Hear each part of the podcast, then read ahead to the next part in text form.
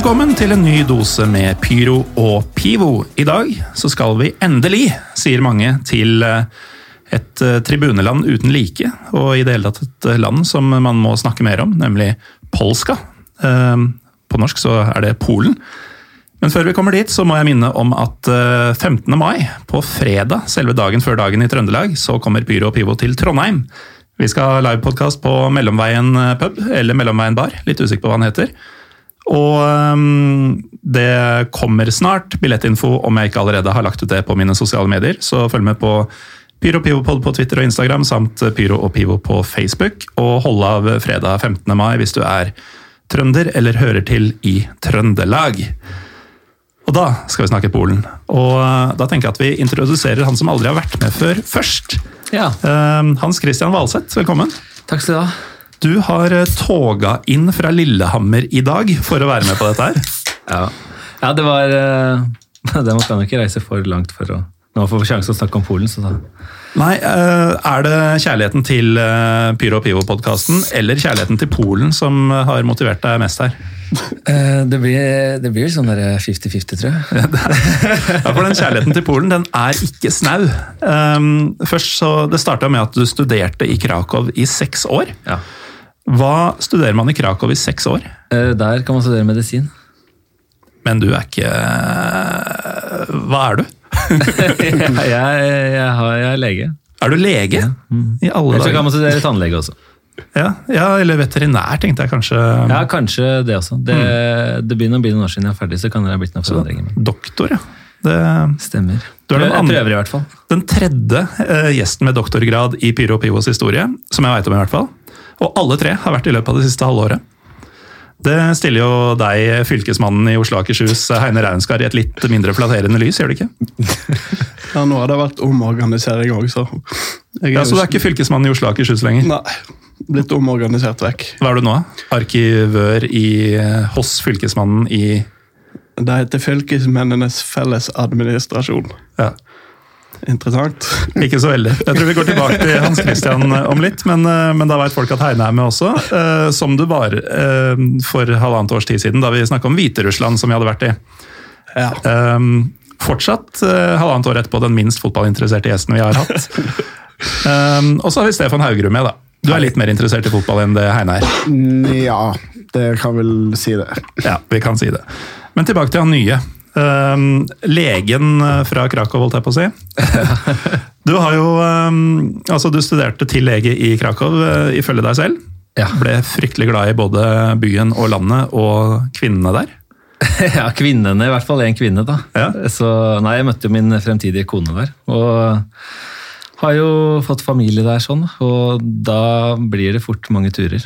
Og har jo bare blitt mer og mer glad i Polen. og Polsk fotball, polsk øl, mat, alt, egentlig. Hvordan var den generelle fotballinteressen din før du dro til Polen? Altså, Vekka det noe i deg, eller var det der allerede? Nei, det, det, det var der fra før. Jeg har alltid sett mye på fotball, men det har vært mest italiensk fotball. Men eh, altså, favorittlaget var Roma.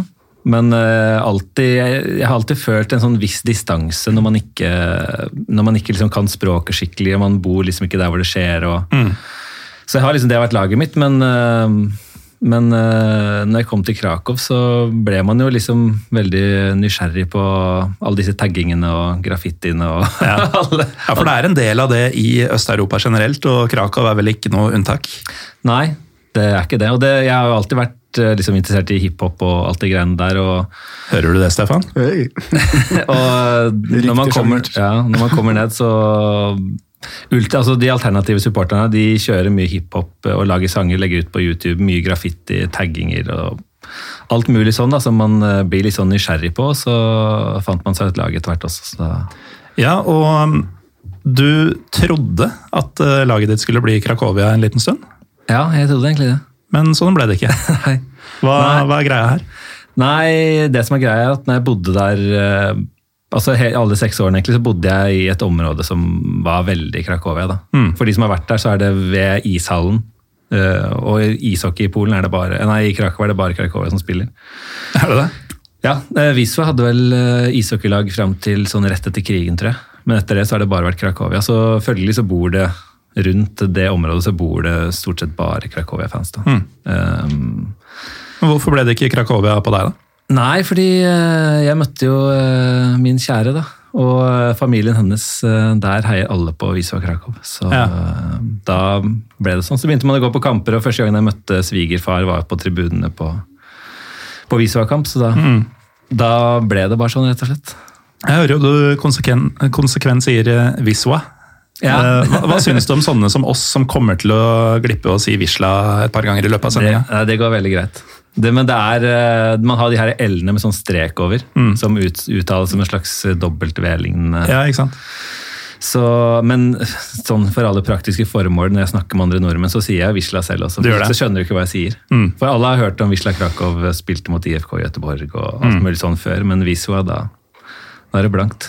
Så eh, du sier Lodds til folk også, eller? Eller er det Woods? Eh, det er litt vanskelig, fordi Du sier Nei, kanskje det blir ikke Woods, blir det. Ja. Ja. Nevner kanskje ikke den byen så ofte til nordmenn. Nei, det er veldig sjelden, altså. Men uh, uh, ja, mer om ditt forhold til både Krakow og Wisła uh, senere. Men eh, Heine, vi var jo i eh, altså Alibiet for at du og Stefan for så vidt er med nå, er jo at for to uker siden cirka, eh, når vi sitter her i hvert fall, så mm, var vi i Warszawa. Og der renner det jo en elv som, eh, som virka viktigere på kartet enn den så ut i virkeligheten. Som jo het Wisla på, på kartet. Eh, Men som jeg da insisterte på at ble kalt Wiswa. Eh, Du nikker bekreftende, som gjør seg godt på radio. Eh, Men jo, tilbake til Hans Christian. Hva har den elva i, i Warszawa med Eller hva er Hvorfor heter laget i Krakow det samme som en elv i Warszawa?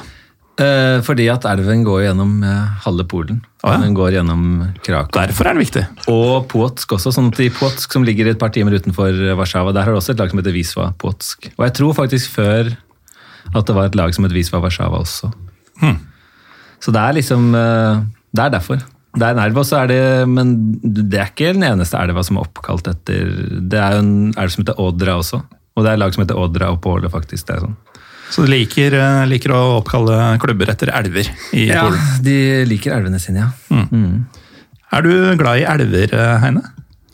Eh, Koldalselva. Den, den låter jo oppdikta. Ja, nei, da, den, den ligger ikke i Polen. Nei, den gjør ikke det. Og alt som ikke ligger i Polen, låter oppdikta. Ja, ja.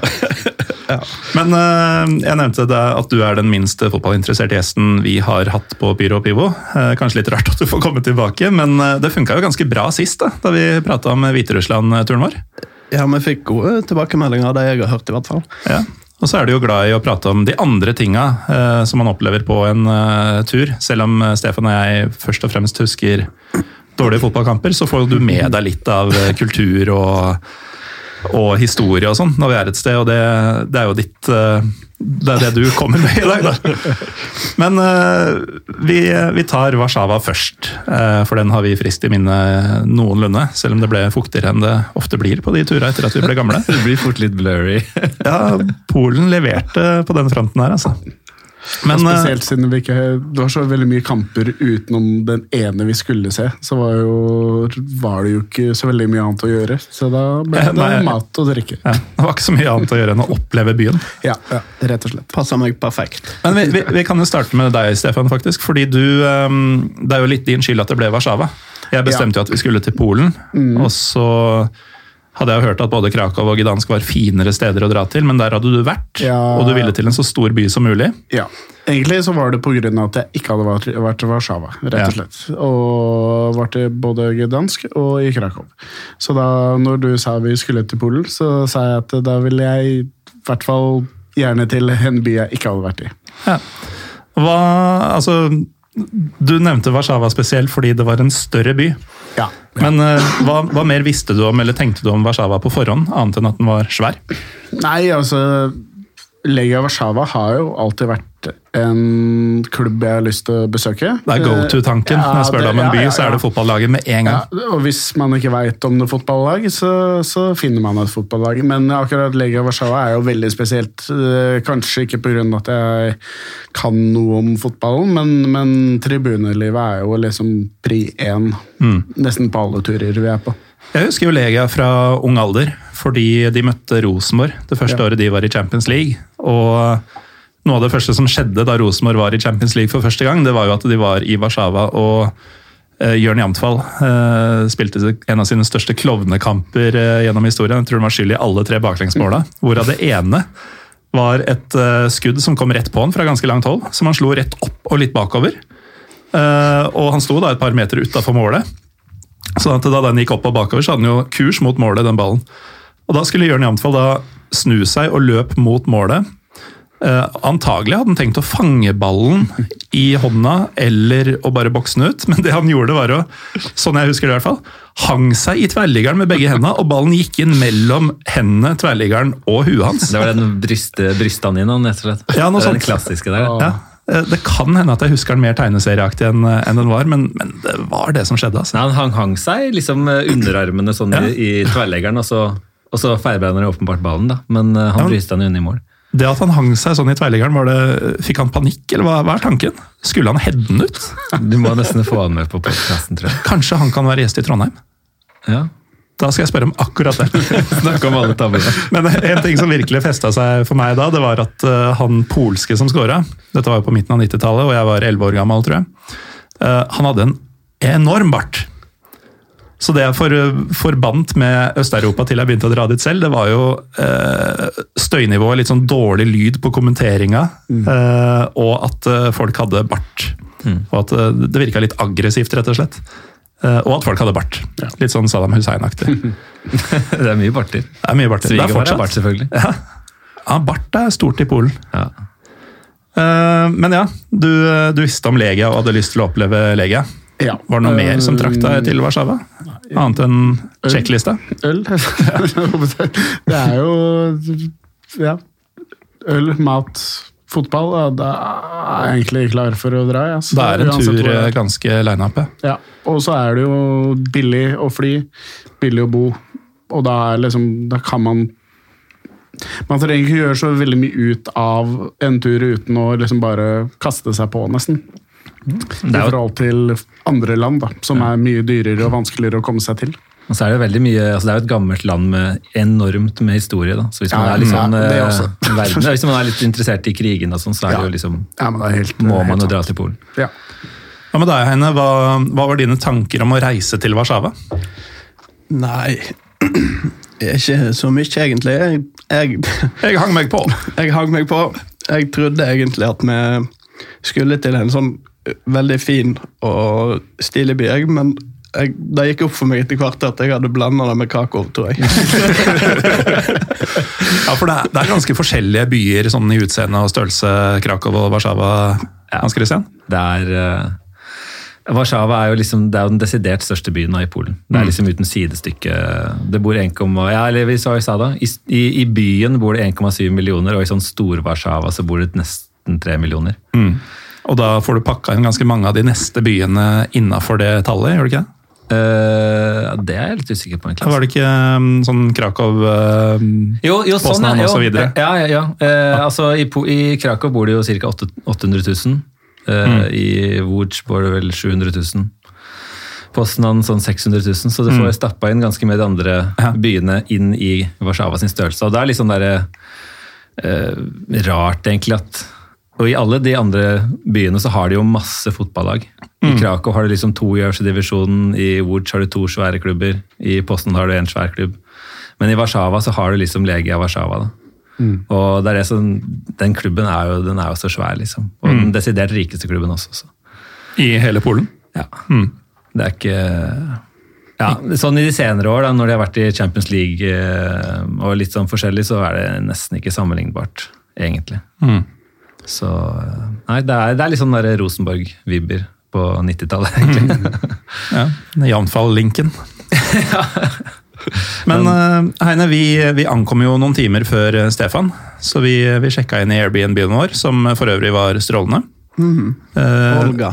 Oh, kunne det. Olga og Andrej de, eh, de leverte på leilighetsfronten. Jeg kom til og med og leverte en vinflaske til dere før jeg kom, så det var jo veldig fint. Ja, eller Jeg tror den bare sto igjen fra, fra de forrige som hadde bodd der. Og så Nei, sånn. nei, nei, det var han som pakka noe for sekken. Han, han gjorde det? Ja. Det er nice. ja.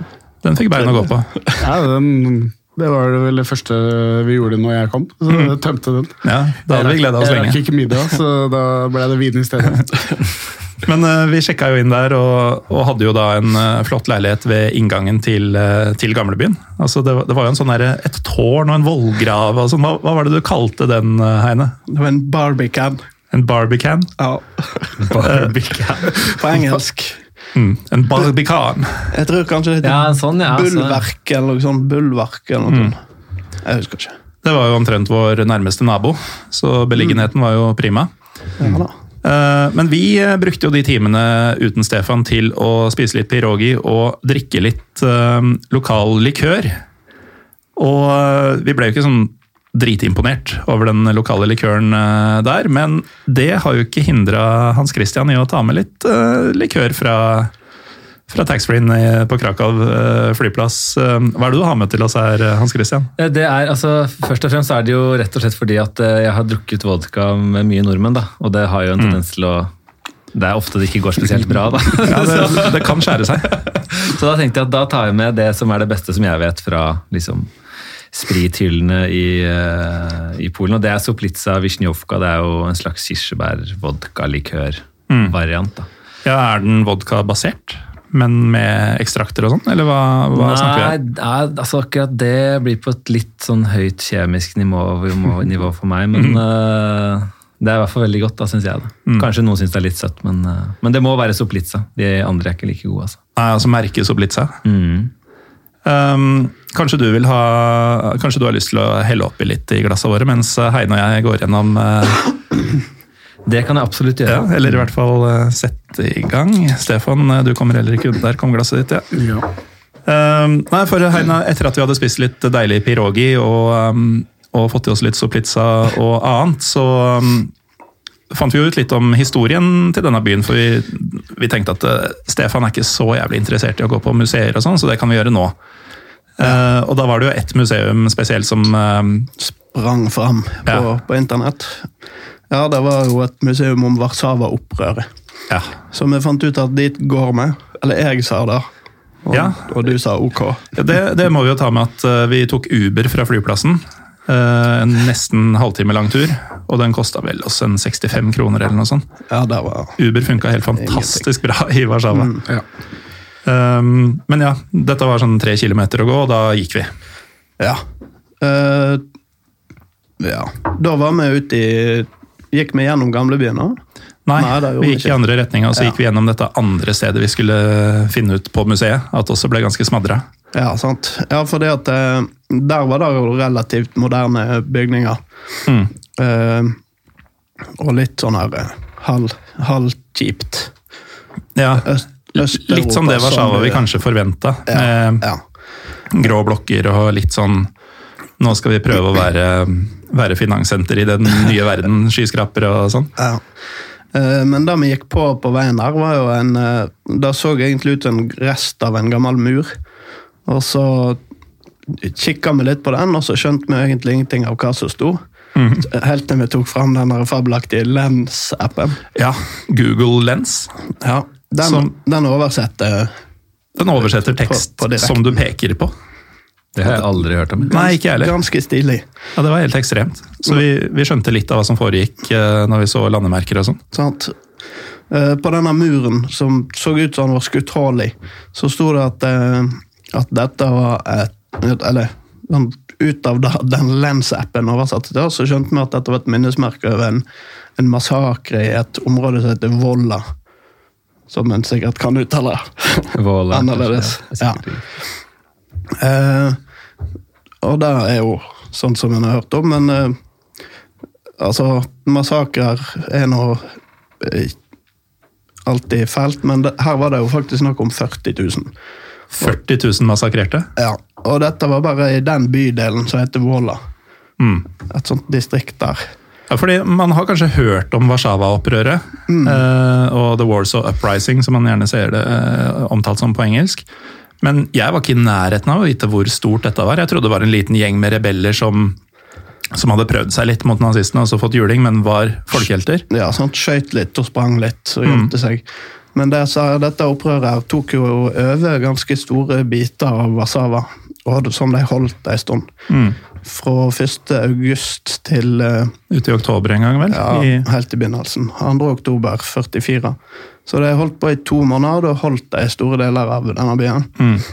Tok tilbake hele gamlebyen, vel, Mm. eh, og holdt den en stund. Og, og Vola også, antagelig. Ja, eh, og noen andre deler. Mm. Eh, De, fra, de sprang rundt mellom disse okkuperte delene nede i kloakken og sånn. her. Brukte unger til å frakte ammunisjon og eh, informasjon og alt mulig. Og enkelte av dem de slåss i naziuniformer. Ja, de plukka med seg alt de fant av utstyr, Ja. så det ut som. Altså Alt de hadde tilgjengelig av klær, ble brukt. Og det kunne like gjerne være en, eh, en SS-offiser som de hadde Uniformen eh, besto sånn altså, Det alle hadde på seg, var et armbind som var rødt og hvitt. mm. Det var egentlig det som var uniformen. Ja, eneste som, en som eh, viste at de tilhørte eh, den gjengen. Vi gikk jo forbi et annet monument på denne turen òg, og da så vi jo Det var et monument over disse opprørerne. Og der, eh, der sto jeg og lurte på hvem det var, fordi at det var så mange forskjellige Ja, det var forskjellig størrelse og alder og kjønn. og... ja, og Tyske hjelmer og håndgranater og alt mulig sånn. Eh, og da fikk vi jo forklaring på på dette her eh, eh, museet. Uh, det der det opprøret, det Det begynte jo fordi at sovjeterne var på full fart mot Warszawa. Og Og ikke som en frigjøringshær nødvendigvis. Nei. Eh, For litt av bakgrunnen for å starte dette opprøret var å, å eh, etablere et selvstendig styre i Polen før Sovjet kom. Sånn at en slapp Slapp å bli Sovjet. Ja, rett og slett. Eh, Men det gikk ganske dårlig, for sovjeterne bare stoppa Mm. og venta og lot tyskerne ta seg av dette opprøret. Eh, Det er i hvert fall skrevet på nettsider at det er sånn grunn. Og etter hvert så tok tyskerne seg av dette oppgjøret, Ja, eh, opprøret. Altså, i løpet av, i løpet av ei uke så skjedde denne Revolla-massakren. Da gikk de rett og slett inn i hvert eneste bygg i hele området der og drepte alle. Alle mennesker de fant. alle mennesker de fant, og brant alle bygninger. Så, så det var jo en Det var meningen at det der skulle eh, eh, demotivere folk og bare avslutte hele opprøret, men det gikk jo ikke sånn. Nei. De holdt ut, og tyskerne sloss og skjøt i stykker altså hele byen. Eller hele gamlebyen og mye av resten av byen. For Gamlebyen, eh, Vi var på et eget museum eh, for dens ødeleggelse også, og da var du med, Stefan. Ja, ja. Det var Litt, siste dagen. Litt småfyllesyk, og det regna. Det var vel litt pga. regnet at vi faktisk gikk inn. Ja, det var en måte å finne et Um, sted innendørs. Men da, da var det jo en del Det var annet bilder fra før krigen av ett torg eller en gate og sånn, og så var det under, hvor alt var rasert. Og så var det sånn det så ut i dag. Og um, det var imponerende altså, hvor likt sånn det så ut i gamle dager, som de hadde fått det igjen. Fordi eh, altså, De har jo ikke blueprints og sånn til bygninger fra 1800-tallet nødvendigvis liggende etter at hele byen er sprengt. Og eh, bildene man tok på 1930-tallet for eksempel, var ikke av den kvaliteten du tar med dine proffkameraer eh, i 2020, Stefan. Nei, det, men som du sier, det var veldig likt. Mm. At de hadde nok hatt litt bilder som de på en måte Vi skal prøve å få det. Det- Så, ja, så, Mm. For, for gamlebyen den, den oppleves jo som gammel. Altså Sånn eh, utseendemessig, i hvert fall. Du har vært i Warszawa også, du Ja, Hans. Christian. Mm.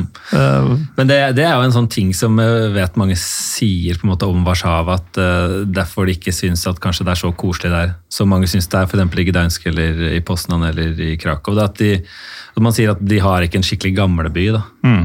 Uh, Men det har jo sine naturlige forklaringer. Da. Ja. Så da får man på en måte bare gjøre det beste man har ut av det. Men, eh, men jeg syns kanskje Warszawa ja, Det er litt med de høye husene og, og litt uh, mye trafikk og litt mye bråk. og Det er liksom litt busy. Med sånn finansdistrikter og sånn. Ja, det er, liksom, det er det stedet som er liksom finanshjertet til Polen. da. Mm. Uh, og andre steder er kanskje litt mer som kunstneriske kultursteder. Men altså For å sette litt i perspektiv hvor smadra den gamle byen ble av tyskerne, Så husker jeg ikke nøyaktig tall, Heine, men det var noe sånt at de hadde noe sånt som 980 bygninger eller noe sånt i gamlebyen, og av disse ble 790 eh, totalt ødelagt. Altså, det er i den banen, da.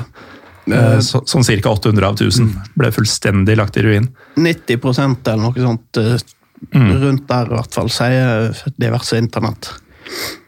Det er så sjukt at eh, Og, og måten de bygde opp igjen denne eh, byen altså Først bestemte de seg jo for å bygge den opp igjen. Det er jo et ganske vågalt valg. Ja, Eh, Med de pengene du ikke har etter Ja, at sant. landet ditt har vært Da okkupert og kriga med i årevis. Jeg tror det sto 800 000 lastebillass bare for å frakte vekk altså, knust materiale. Og det er jo ganske mye når du ikke har lastebiler, sannsynligvis. Eh, og 50 millioner dugnadstimer. Det er noen dugnadstimer. Altså. Ja, det var nok en, eh, en veldig sånn viktig og samlende eh, ting å gjennomføre Mm. for deg. Men uh, tyskerne hadde ikke noen sånn umiddelbare planer om å bygge opp Warszawa igjen, uh, så vidt jeg har skjønt?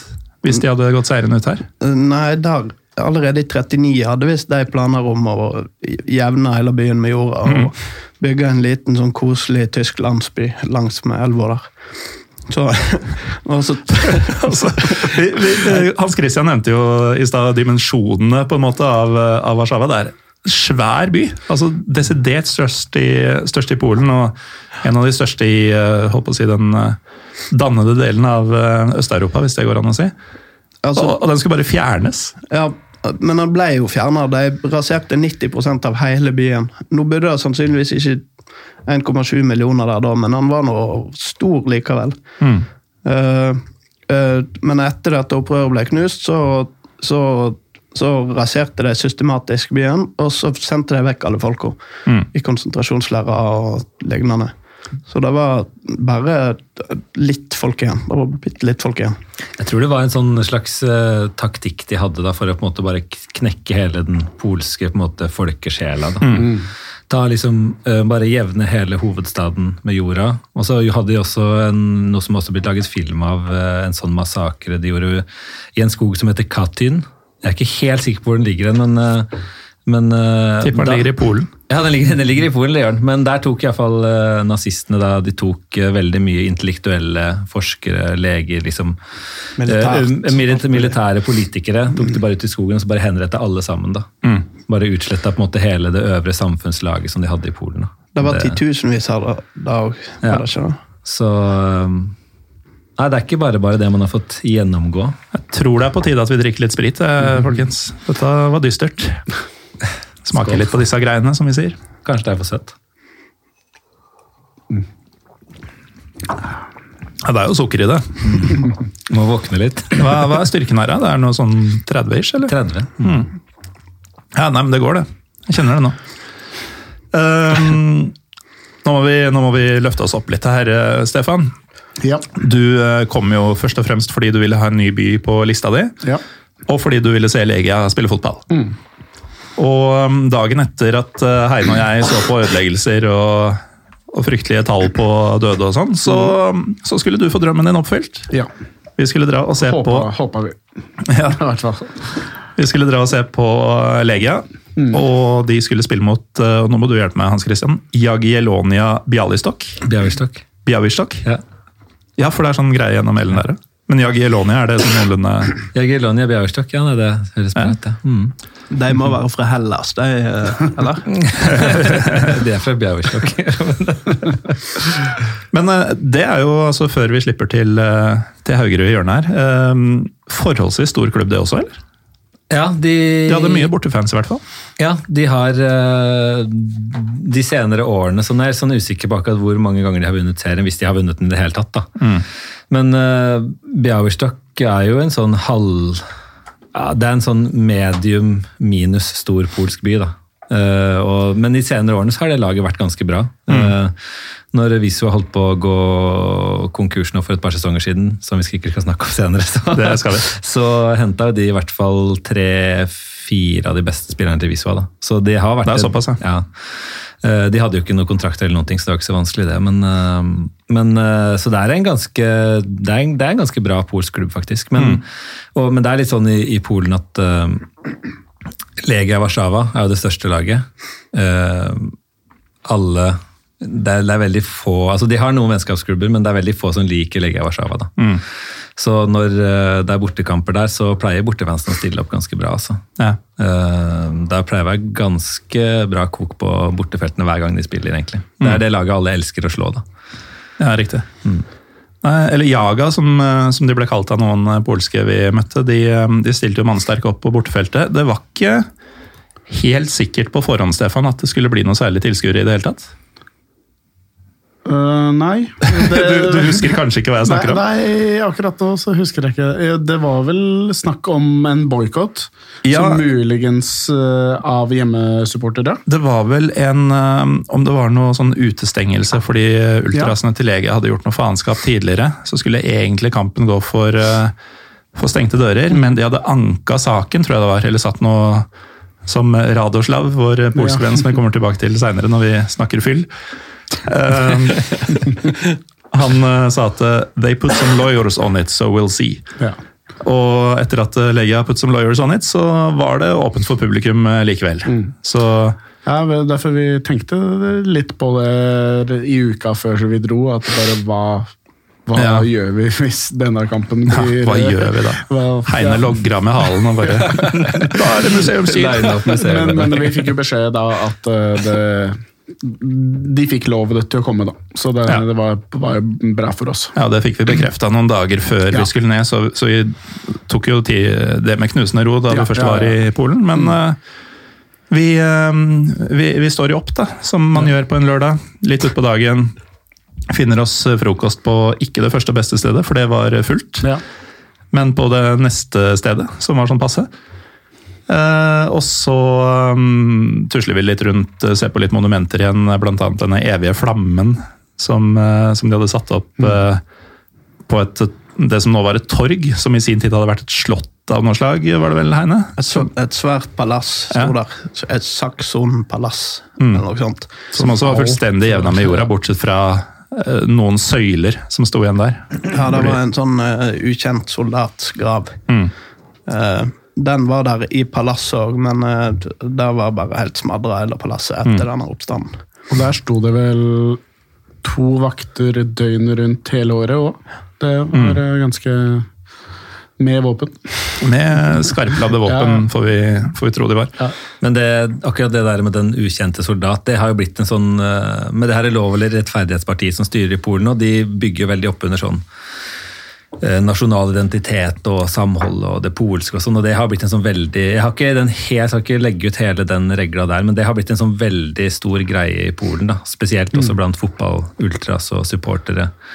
Som en sånn eh, eh, Jeg skal ikke si nasjonalistgreie, men det er sånn det er en sånn sak de setter veldig høyt, og, og, og, og mye, eh, mye sånne bannere og sånne sektorflagg som hyller det greiene der. Eh, samme, som, samme med, med det Warszawa-opprøret. At de, de bruker det som en sånn eh, heltedyrkelse, nærmest, da, for å fremme Polen. Jeg har sett en del store tiforer med den type Tematikk. Den type tematikk ja. Ja. Så Ved ishallen i Krakow så har Krakowia Ultrasene laget en sånn 30 meter, tror jeg, 30 eller 40 meter lang eh, så graffiti. Bare som hyller den her eh, ukjente soldaten. Mm. Og det har en helt egen historie som er ganske sånn kompleks, egentlig. Men eh, det er en big deal, akkurat det. Så det er sikkert derfor det står soldater der hele tiden. ja, sannsynligvis. Det har det sikkert gjort siden 19 tidlig. Mm. Jeg leste på en sånn her eh, plakett der, der, der var sånn etter andre, nei, første verdenskrig. Da satte de det opp. Og så eh, Ja. Det er ikke sikkert det sto to vakter der gjennom hele bombinga sånn. Under andre verdenskrig, men, men sånn cirka konstant i 100 år, da. Etter, etter Sovjet kom, så ble det bytta om på De har markert noen sånne slag opp gjennom Polens historie som denne, denne plassen skal hylle og symbolisere. Da ble, da ble rokert litt om på hva slag som var viktige under Sovjet, og så gjorde de det om igjen etter Sovjet falt. fordi at de var gjerne på andre sider. de hadde annerledes fokus før. Hadde det. Men eh, etter denne flammen og monumentet og sånn, Stefan, da var det nok av sånn vanlig kultur. Nå er det fotballkultur. Ja, da ble, tok vi jo et par øl først. Tok et par øl og en liten slivovitsa, Ja. som også er en greie i eh, Polen. Ja, det er mange langt som har den Slivovicaen. Ja. Og så tok vi litt mat, ordna litt, henta litt billetter, og så var vi klare for kamp. Ja, og den prosessen var jo ganske enkel. Eh, Vi tok Ja. en Uber, eh, kan igjen bare hylle Uber-effektiviteten i, i Warszawa. Mm, veldig billig. Kosta et par og tjue kroner vel for oss tre. Og så må man jo bare anbefale det og alle som skal til Polen, å laste ned Uber. Ja, så ja, slipper du ja, å bli lurt i, av drosj- drosjesjåfør som ikke skjønner hva sier uansett. Mm. Nei, det, var, det er helt genialt. Altså, Bare trenger ikke snakke med sjåføren Nei, nei, nei. hvis du Nei. ikke vil. penger Da- skifter ikke hender. Ja. Det, det er ingen måte å skamme deg på, liksom. Jeg vet ikke hvor mange ganger jeg har blitt lurt. Og, og du kan jo språket, i hvert fall til en viss grad. Jo, jeg, jeg, kan det, jeg kan det bra nå, men sånn i begynnelsen da jeg studerte der, og sånn, så, så var man jo kjent, men man kunne kanskje ikke språket. Og så satt det en taxi og sa ja, jeg skal dit og dit. Altså. Og du vet liksom egentlig hvor det er, og så plutselig så bare er det et sted som du ikke har peiling på. hvor er det vi er nå, egentlig? Ja. Så prøver man å peke på et kart og Vi lurte, vi lurte jo litt på om vi var i ferd med å bli kidnappa da vi tok taxi i Betlehem på Vestbredden for et par år siden. Stefan. Ja, øh, det var Ble kjørt ut i sånne bakgater som eh, Altså langt vekk fra sivilisasjonen, hvor det sto noen sånne ungdomsgjenger med bikkjer og sånn. Ja, det, det, Det viste seg bare at den veien vi skulle til, var jo blokkert av eh, den separasjonsmuren. Så GPS-en spilte sjåføren et puss, så vi, vi kom fra det med både strupe og tær og alt i behold. skulle hatt en Uber, da, kanskje. Ja, det hadde vært digg med Uber i Betlehem, Jeg er veldig glad for at vi ikke gikk av der han skulle slippe oss av, da, for da er jeg litt usikker på hva vi Some gjort. more money and take us back. Men uh, i hvert fall, vi, vi kom oss ned til stadion. Um, hva er greia her, Hans Christian? Altså, på engelsk er det noe sånn The Polish Army Stadium, rett og slett. Hva er linken mellom Legia og, og Legia, militæret? Legia er jo en militærklubb. Enkelt og greit. Ja, sånn fra Jeg tror det er fra Nå, har det jo, nå er det litt sånn i Polen at sånn, opp igjennom sånn kommunismen og sånn, så har lag blitt underlagt forskjellige statsapparater. da. Ja, Som, eh, klassisk Øst-Europa-greie, at Ja. Jernbaneverket og Marinen og Ja. Hæren og sånn. Så, sånn som uh, Lech Poznan, det er jo på en måte Jernbaneverket. da. Mm. Uh, og eh, masse av klubbene nede i, i Silesia de er sånne gruvearbeiderklubber. Og Lege er, eh, det er en eh, Jeg tror det faktisk var sånn når den ble stifta. Jeg tror den ble stifta som en militær sportsklubb, rett og slett. Legia er vel fort uh, legion, eller Jo, sånn. det var den, den, den polske legionen som Ja. under første verdenskrig som ble starta opp under den. Mm. Så har de bytta litt navn oppover tida, men Ja. det har alltid vært under militæret. For klubben ble stifta under første verdenskrig, Ja. i 1917 eller noe sånt? Mm, Ikke 1917, kanskje. Det, Jeg sjekka, det var 1916. 16, Da ja. var det 17 er en annen praktklubb i Europa som, eh, som ble stifta. Og da mener jeg ikke de trønderne som ble stifta i 1927, si. um, under sitt nåværende navn. ja. Men uh, vi kommer da til Polish Army Stadium. Du sier vi får tak i billetter og, og sånn, og det var jo også en smal sak. Ja, Eh, Man må ha med pass, Ja, eller ja, gyldig legitimasjon, som da først og fremst er pass. Ja. Mm. Fordi hvis du er polsk statsborger, så må du ha et type fancard.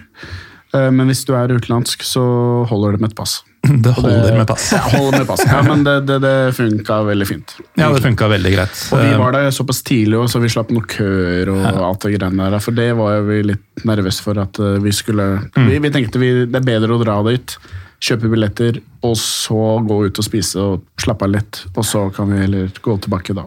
Ja, og I disse Rome like home-tider så hadde vi jo allerede sjekka at det var steder å spise og få Ja, seg et glass ja, og sånn. Eh, Blant annet har de jo en eh, ganske enorm sportspub på stadion under tribunen der eh, Legias Ultras står. Mm. Der fikk vi ikke bord, for så det tidlig ute var vi ikke. Men like i nærheten så var det en hva skal vi kalle det, Heine? En kombinert burger- og asiatisk matsjappe, som også var en slags kiosk og en pub. Ja. ja, der var alt mulig, da. Ja, De ropte opp eh, bestillingsnummer på språket en ikke forsto hele tida. Og alt, alt man bestilte, altså selv om du bestilte en, eh, i vårt tilfelle burgermeny faktisk, som er en merkelig ting å bestille i Øst-Europa. Jeg har fortsatt litt dårlig samvittighet for at jeg spiste burger når jeg var i Polen. Eh, Alternativet var jo altså, Asiatisk. Pad thai. pad thai eller vietnamesiske kyllingballer eller noe sånt. Ja, Men uansett, vi bestilte jo dette med en øl. Eh, likevel, da maten kom, så fulgte det alltid med en boks cola. Ja. Og det sto ikke på menyen heller. Nei. Det var hun bare Det var sånn, Jeg satte jo demonstrativt, for man måtte komme og hente maten. skjønner du, Hans Christian? Ja. Vi kan starte med at Stefan kom tilbake med maten. Og satte denne brusen på bordet. Og så spurte vi tok du med en cola òg. Så sa han hæ? Den, den er ikke min. Du hadde båret med deg en cola og satt på bordet, og så huska du ikke at det var du som hadde gjort det. skummelt, ass. Men hadde, Det må jeg spørre om en ting, fordi eh, det er en ting som er veldig polsk, som man ofte har på sånne restauranter, og det er sånne eh, det er sånne serviettholdere. Hvor, De var helt hvor- ubrukelige. Hvor, hvor servietten er liksom bretta og dytta nedi. Og så hvis du er prøver å ta en, så kommer alle Ja, ut. det opplevde du overalt. Det er så Og så var det så tynt papir. Så det Ja, du kan ikke liksom- bruke det til noen ting. Du åtte må, for å må få brukt finne den servietten som er akkurat i midten. Eller så drar du med deg alt. Det, det er som å bygge sånn kapla-greier, sånn, hvor du setter sånn brikker eh, oppå hverandre og sånn. Og så må du passe på Gjenga? Nei. Gjenga, er det kanskje. Ja, du må prøve å liksom lirke ut den i midten, Ja, eller lirke ut så det ikke sånn. faller helt sammen. sånn. Sånn, ja. Men, men det går ikke an å gjøre det med de polske serviettene. Jeg har, aldri, jeg har aldri fått det til på 15, 15 år. Men man trenger gjerne flere, da, så det er kanskje greit. Du har lært deg alt om polsk liv og kultur, annet enn hvordan man tar en serviett. Du er ikke. ordentlig polsk før du får tak i serviett. Ja, det kan kanskje det sånn, Hvis du kan søke pass, så er det liksom det. Så står det en sånn på bordet, og så må du prøve. statsborgerprøve. Eller er det kanskje sånn ut, fange utlendingtriks? At øhm, polakker de, de bryr seg ikke om servietter og sånne trivialiteter som det. Så de eneste som er interesserte, er turister, og da kan de bare ha det så godt med det der umulige systemet. Da spotter de man skal stjele lommebokene til. Og skal vi ikke være rasister mot slavere her i Pyro og Pivo. Eh, Det skulle tatt seg ut. Men eh, vi får i hvert fall gi oss en burger. og Jeg, jeg prøvde jo demonstrativt å sette fra meg, eller å ikke ta med meg den colaen. Da kom jo faen meg, Du måtte gå og hente maten, men så fort noen satte igjen colaen, da kom han til bordet! Og Den, den skulle jeg faen meg ha, altså! Det, det Ryktet til stedet sto og falt på at han eh, utlendingen fikk colaen sin, som han åpenbart ikke ønska seg. Det var veldig mange fotballsportere, da. De liker jo cola. Ja, men ikke sånn cola. Hvordan lå stadion egentlig til? Jeg har aldri vært på den. jeg. Ehm, ja, sånn hva skal vi si, halvsentralt. Det tok ikke mer enn ti minutter i Uber fra, Fra fra sentrums, ja, Ja, gamlebyen sentrumstraktene. Men var det Eh, ting rundt der? rundt... Uh... Det var litt sånn Ikke, umiddel, ikke umiddelbart. Nei, det, det var et lite stykke ned til, eh, til elva. Um, vi gikk ikke den veien, men det virka å være tre minutter å gå. eller noe sånt. Og så var det visstnok et sånn parkområde på baksida, men det så vi aldri. Det så vi bare på Google Maps. Og så var det liksom et gatekjøkken her og litt sånn ymse. Men, men du måtte, um, da vi skulle gå og spise middag etterpå, så måtte vi gå i et kvarters tid, i hvert fall, før det føltes som en ordentlig by. Ja, Vi måtte forbi, til, forbi den her eh, matplassen vår igjen. Ja, måtte forbi den. Oppe i gata. Og I uh, apropos den matplassen, den lå jo nærmest under en bru med masse søyler.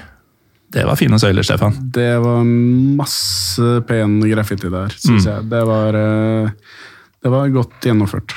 Og det var litt sånn som du snakka om uh, i Krakow. At eh, det var liksom overalt. Alle stolpene var liksom bare fylt med Ja, ordentlig praktverk, svære greier. ja, på Ikke noe sånn, ja, sånn ordentlig gjennomført. Mm. Det er greit når du ikke har noen uh, rivalfans som kommer og sprayer det ned hele tiden. Ja, det er sant. Eh, Men eh, etter hvert så blir det jo kamp, da. Vi har vært innom at eh, Jaga de var mange. Ja, og, ikke, og de var tidlig på plass, i motsetning til Legia. Så det var mye Jaga-lyd fra Var de 1500-2000, kanskje? Jeg tror det. Altså, de fylte, fylte hele øvre sin del, på hvert fall.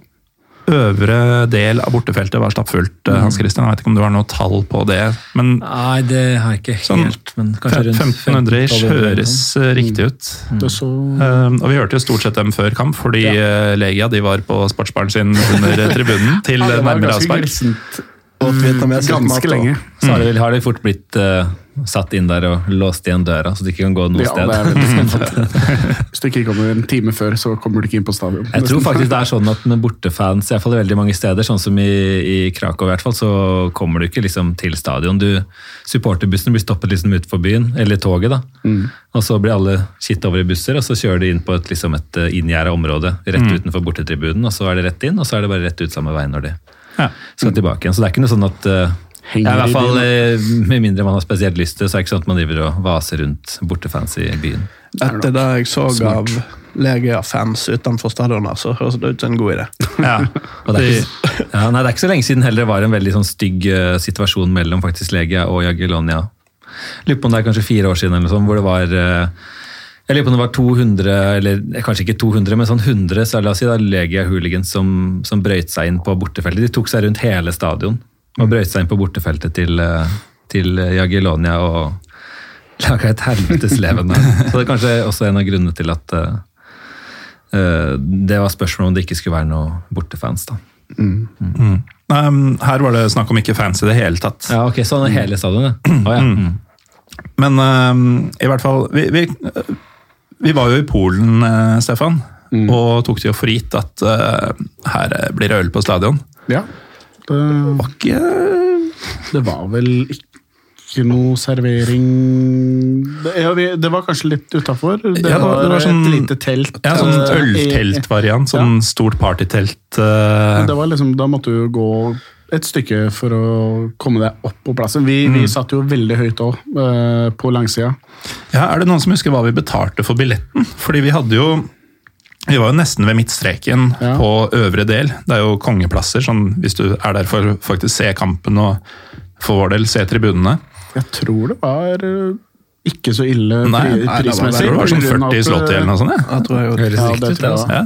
Fordi vi, vi, Hundrelapp, liksom.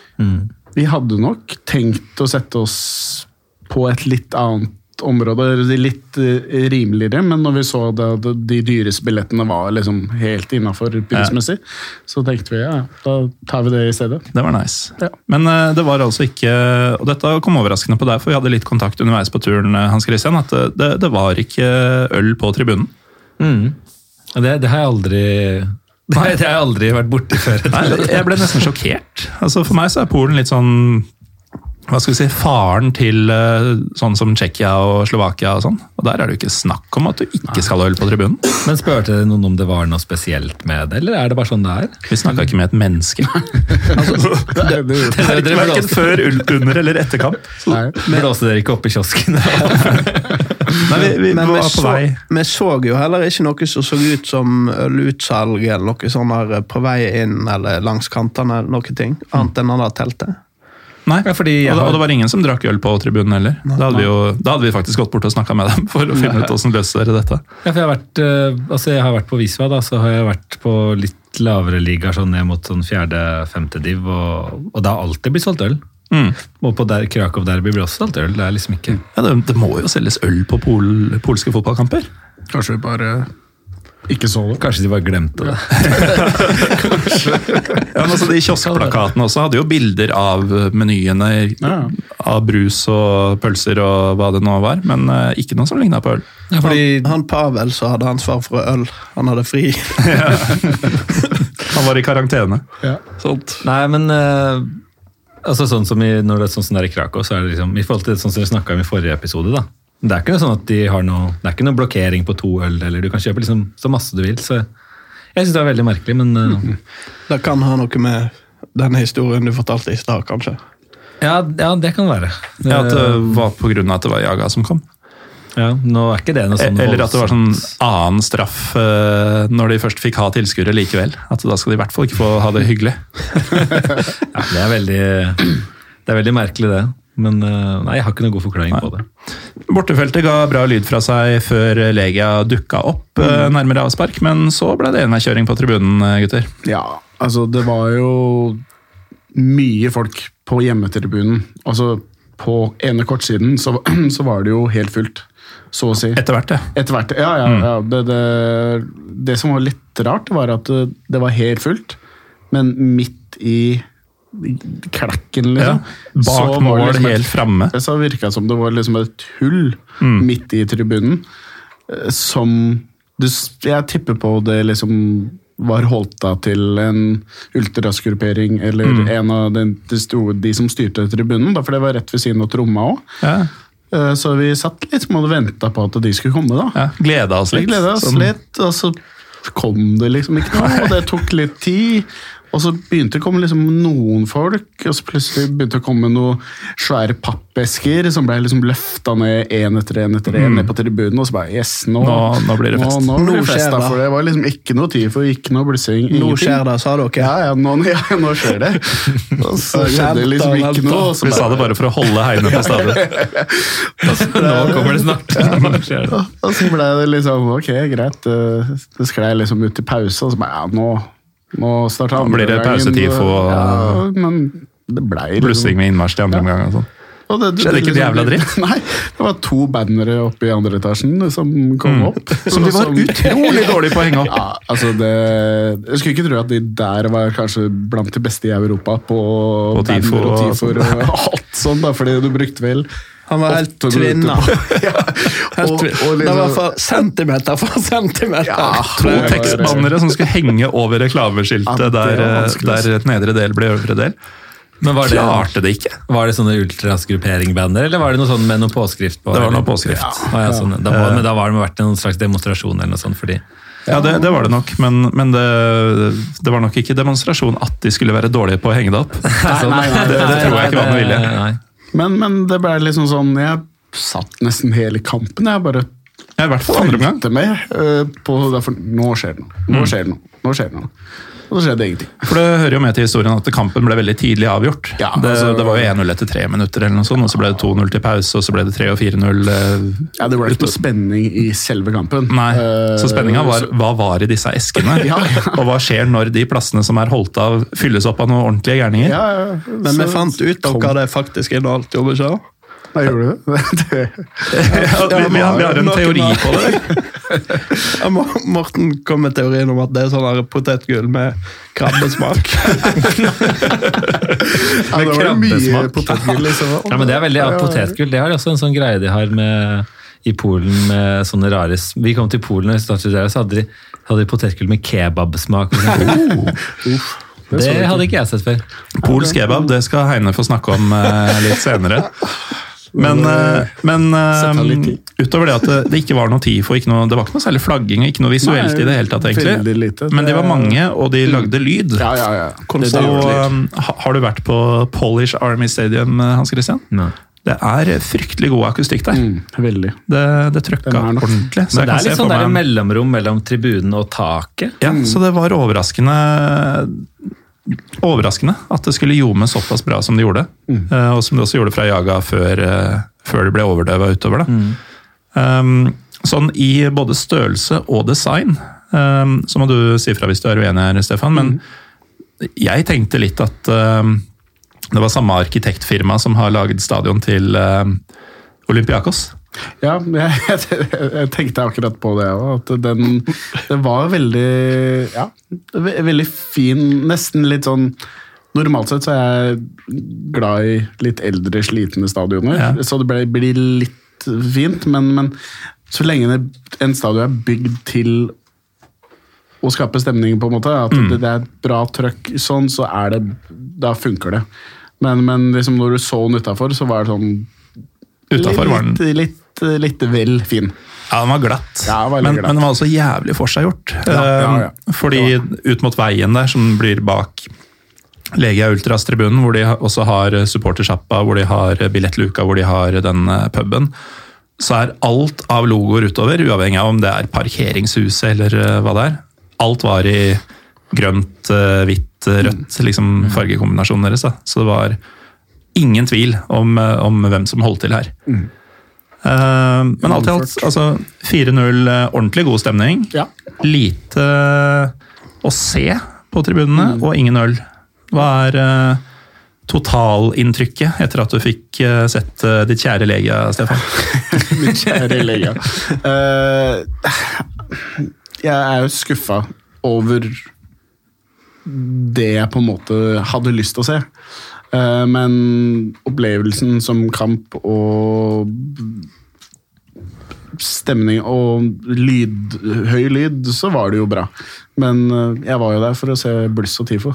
Det var, det jo, Fikk ingen av delene? Vi fikk ingen av delene. Så ja. vi var nok uheldige, da, for vi så jo noen bilder fra forrige helg. Ja. Og da var Neste vi jo fullt trøkk igjen, så vi var nok uh, uheldige. Da var det slett. hvor det var Eukais Woods som spilte, som hadde sånn, der, sånn Star Wars-tif, borte-tifo der? Uh, jeg har bare sett hjemmetribunen. ja, ja. ja. sånn, men, ja. men, men det var nå i det som vel nå blir sist runde, når vi Ja. sitter her nå. Mm. Da var det en svær uh, tifo med bluss. Men Eh, det er mot Lech i Poznan, var det forrige kamp? Okay. Ja, ja, det kan være. tror jeg.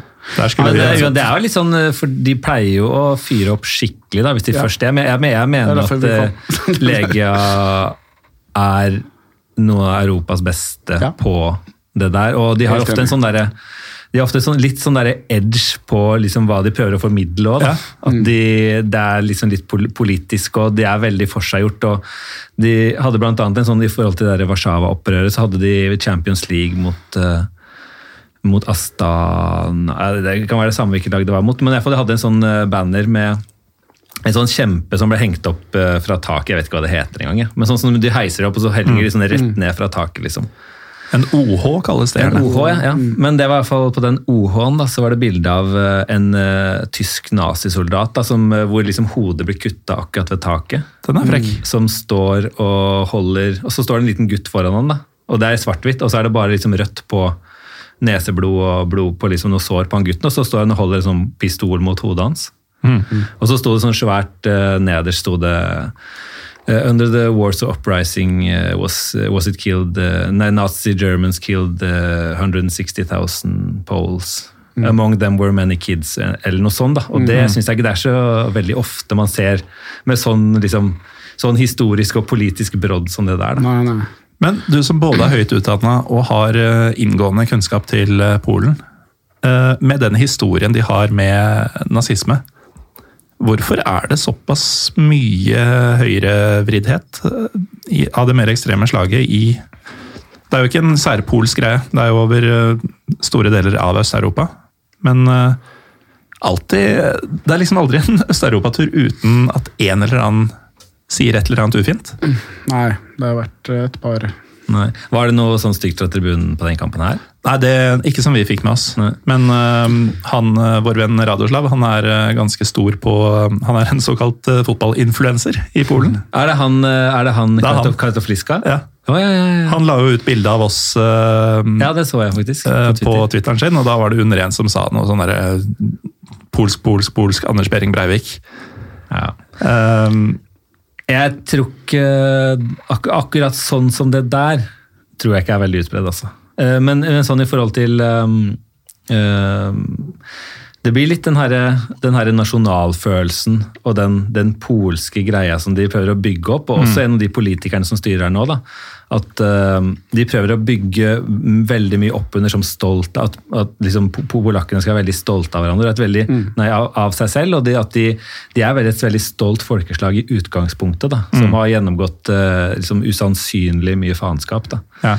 Um, Så misforstår de kanskje uttrykket som de skal bruke, de som, Ja, det- de som tar det den veien. Det, det kan godt være, men det er, det er mer en sånn der slags sånn, eh, sånn polsk greie enn at, er, enn at det er en sånn fascistgreie, da, som man kan se kanskje andre steder. hvor Sånn som jeg har sett bilder fra, fra Ukraina, eksempel, hvor du ser sånne keltiske kors.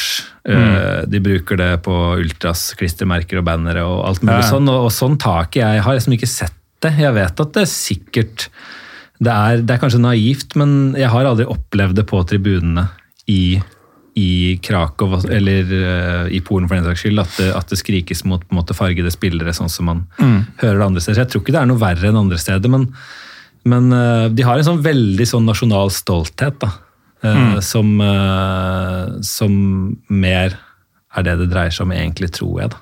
Og så er det jo selvfølgelig, i forhold til det lov- og rettferdighetspartiet som styrer nå, som som er veldig konservative og innvandringsfiendtlige. Da. Så de, altså Flesteparten av de som, som støtter det partiet, er jo på en måte ute på landsbygda hvor det er mye Fordommer. eh, Ja, mye fordommer, mye uvitenhet og mye lite, lite kunnskap og, og lite utdannede mennesker som ikke har reist rundt. De har ikke råd til å reise rundt, ikke sant? Og da, og, og, og da kan jo sånt blusse opp, da, men sånn som eh, av de sånne eh, eh, moderne mennesker som, som bor i Warszawa eller Krakow eller en saks skyld, høyt utdanna er jo på en måte på en helt annen, Ja. helt annen planet enn det. Da. Så jeg tror ikke det er noe mer enn det, av det i Polen enn man finner liksom, de fleste andre steder man kanskje reiser på eh, turer i Sentral-Europa, egentlig. Men det, det er kanskje naivt, men det, det er i hvert fall mitt inntrykk. da. Men disse homofrie sonene og sånt, da. Ja, jo, det, det, det, det kan de jo si, da. Eh, Det, Ja, hva, hva er det? Nei, det, altså, det er jo Det er jo konservative politikere som har Og kirka, skal ikke glemme kirka, den mm. også veldig mye Den katolske kirke står fryktelig sterkt. Mm. Og det er jo sånn, eh, sånn som når man går forbi katolske kirker, så kan man jo se på en måte at eh, det er bilder av, av barnefostre som henger sånn svært, ikke sant? Sånn to ganger tre meter på kirkeveggene som mot abort. og Det er sånn helt surrealistisk. eh, Akkurat som skulle godt også sett det på domkirka i Oslo, liksom. Hadde ikke tatt seg helt ut, men, eh, men ja, det er, det, er, det er en del sånn um, uting eh, som uh, at man ikke skal uh, ha lov til å være forelska eller være sammen med den man vil. Men jeg syns også at det, det er litt sånn Det svartemales veldig også, da. Ja. Fordi man hører ikke Man hører f.eks. ikke noe om at uh, en av de kandidatene som er for et av de ja Det er vel kanskje det tredje største partiet i Polen, som skal være i presidentvalget nå neste gang, han er homoseksuell. Mm. han er liksom borgermester i en relativt ja, stor by i Polen. Da. Så det er, det er begge deler. Men det er klart det, det, blir, det blir mye sånn kamp mellom, uh, mellom uvitende og, og vitende, føler man kanskje. Da. Men øhm, kampen er over, og vi, vi trasker opp mot det som for meg øh, ble et av turens høydepunkt. Vi hadde googla oss fram til den beste, og nå ble Trym Hogner glad. Georgiske restauranten i Warszawa. Var lei av pierogene. ja, da var vi litt lei av pirogi, og så måtte vi reise kjerringa etter, etter burger før kamp. Ja. Og, og det hadde vi jo også dis diskutert før vi dro, og at vi visste at det var georgiske restauranter. Ja, og, og når du og jeg er på tur, Ja, da, da- da leiter vi opp den georgiske maten. Ja, det, etter Vilnius så prøver vi å se om vi finner noe georgisk. Så vi havna på Rusiko-heinet, og du fikk eh, prøve um, chinkali, eh, blant annet, for første gang.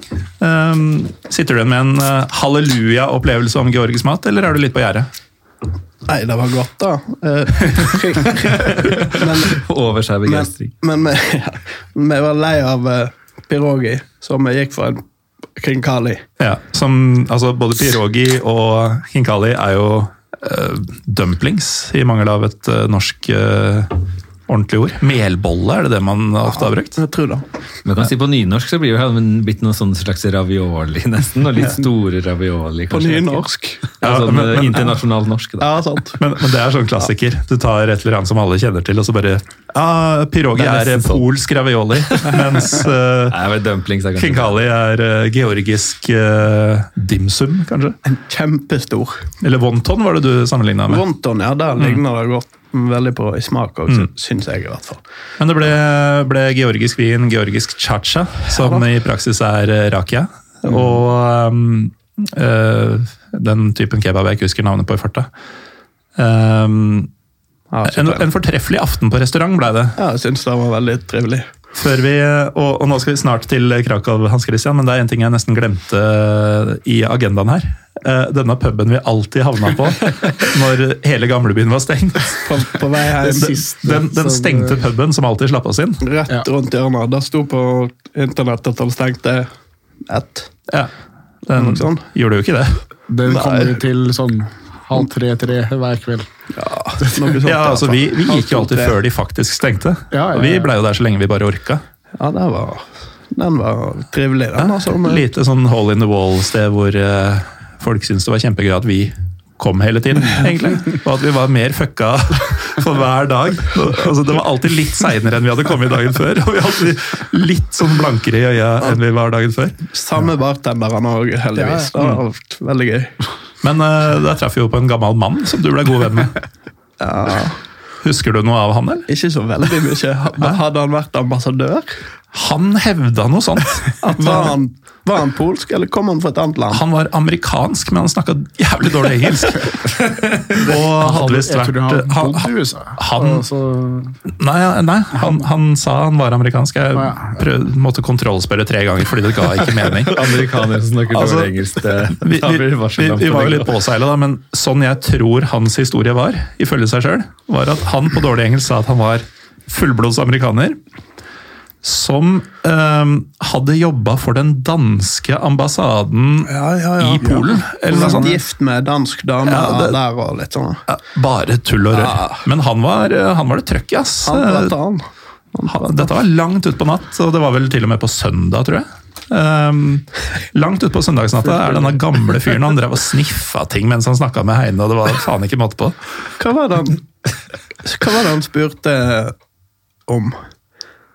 Ja, det veit ikke How jeg. do you guys feel about Var det et eller annet narkotika?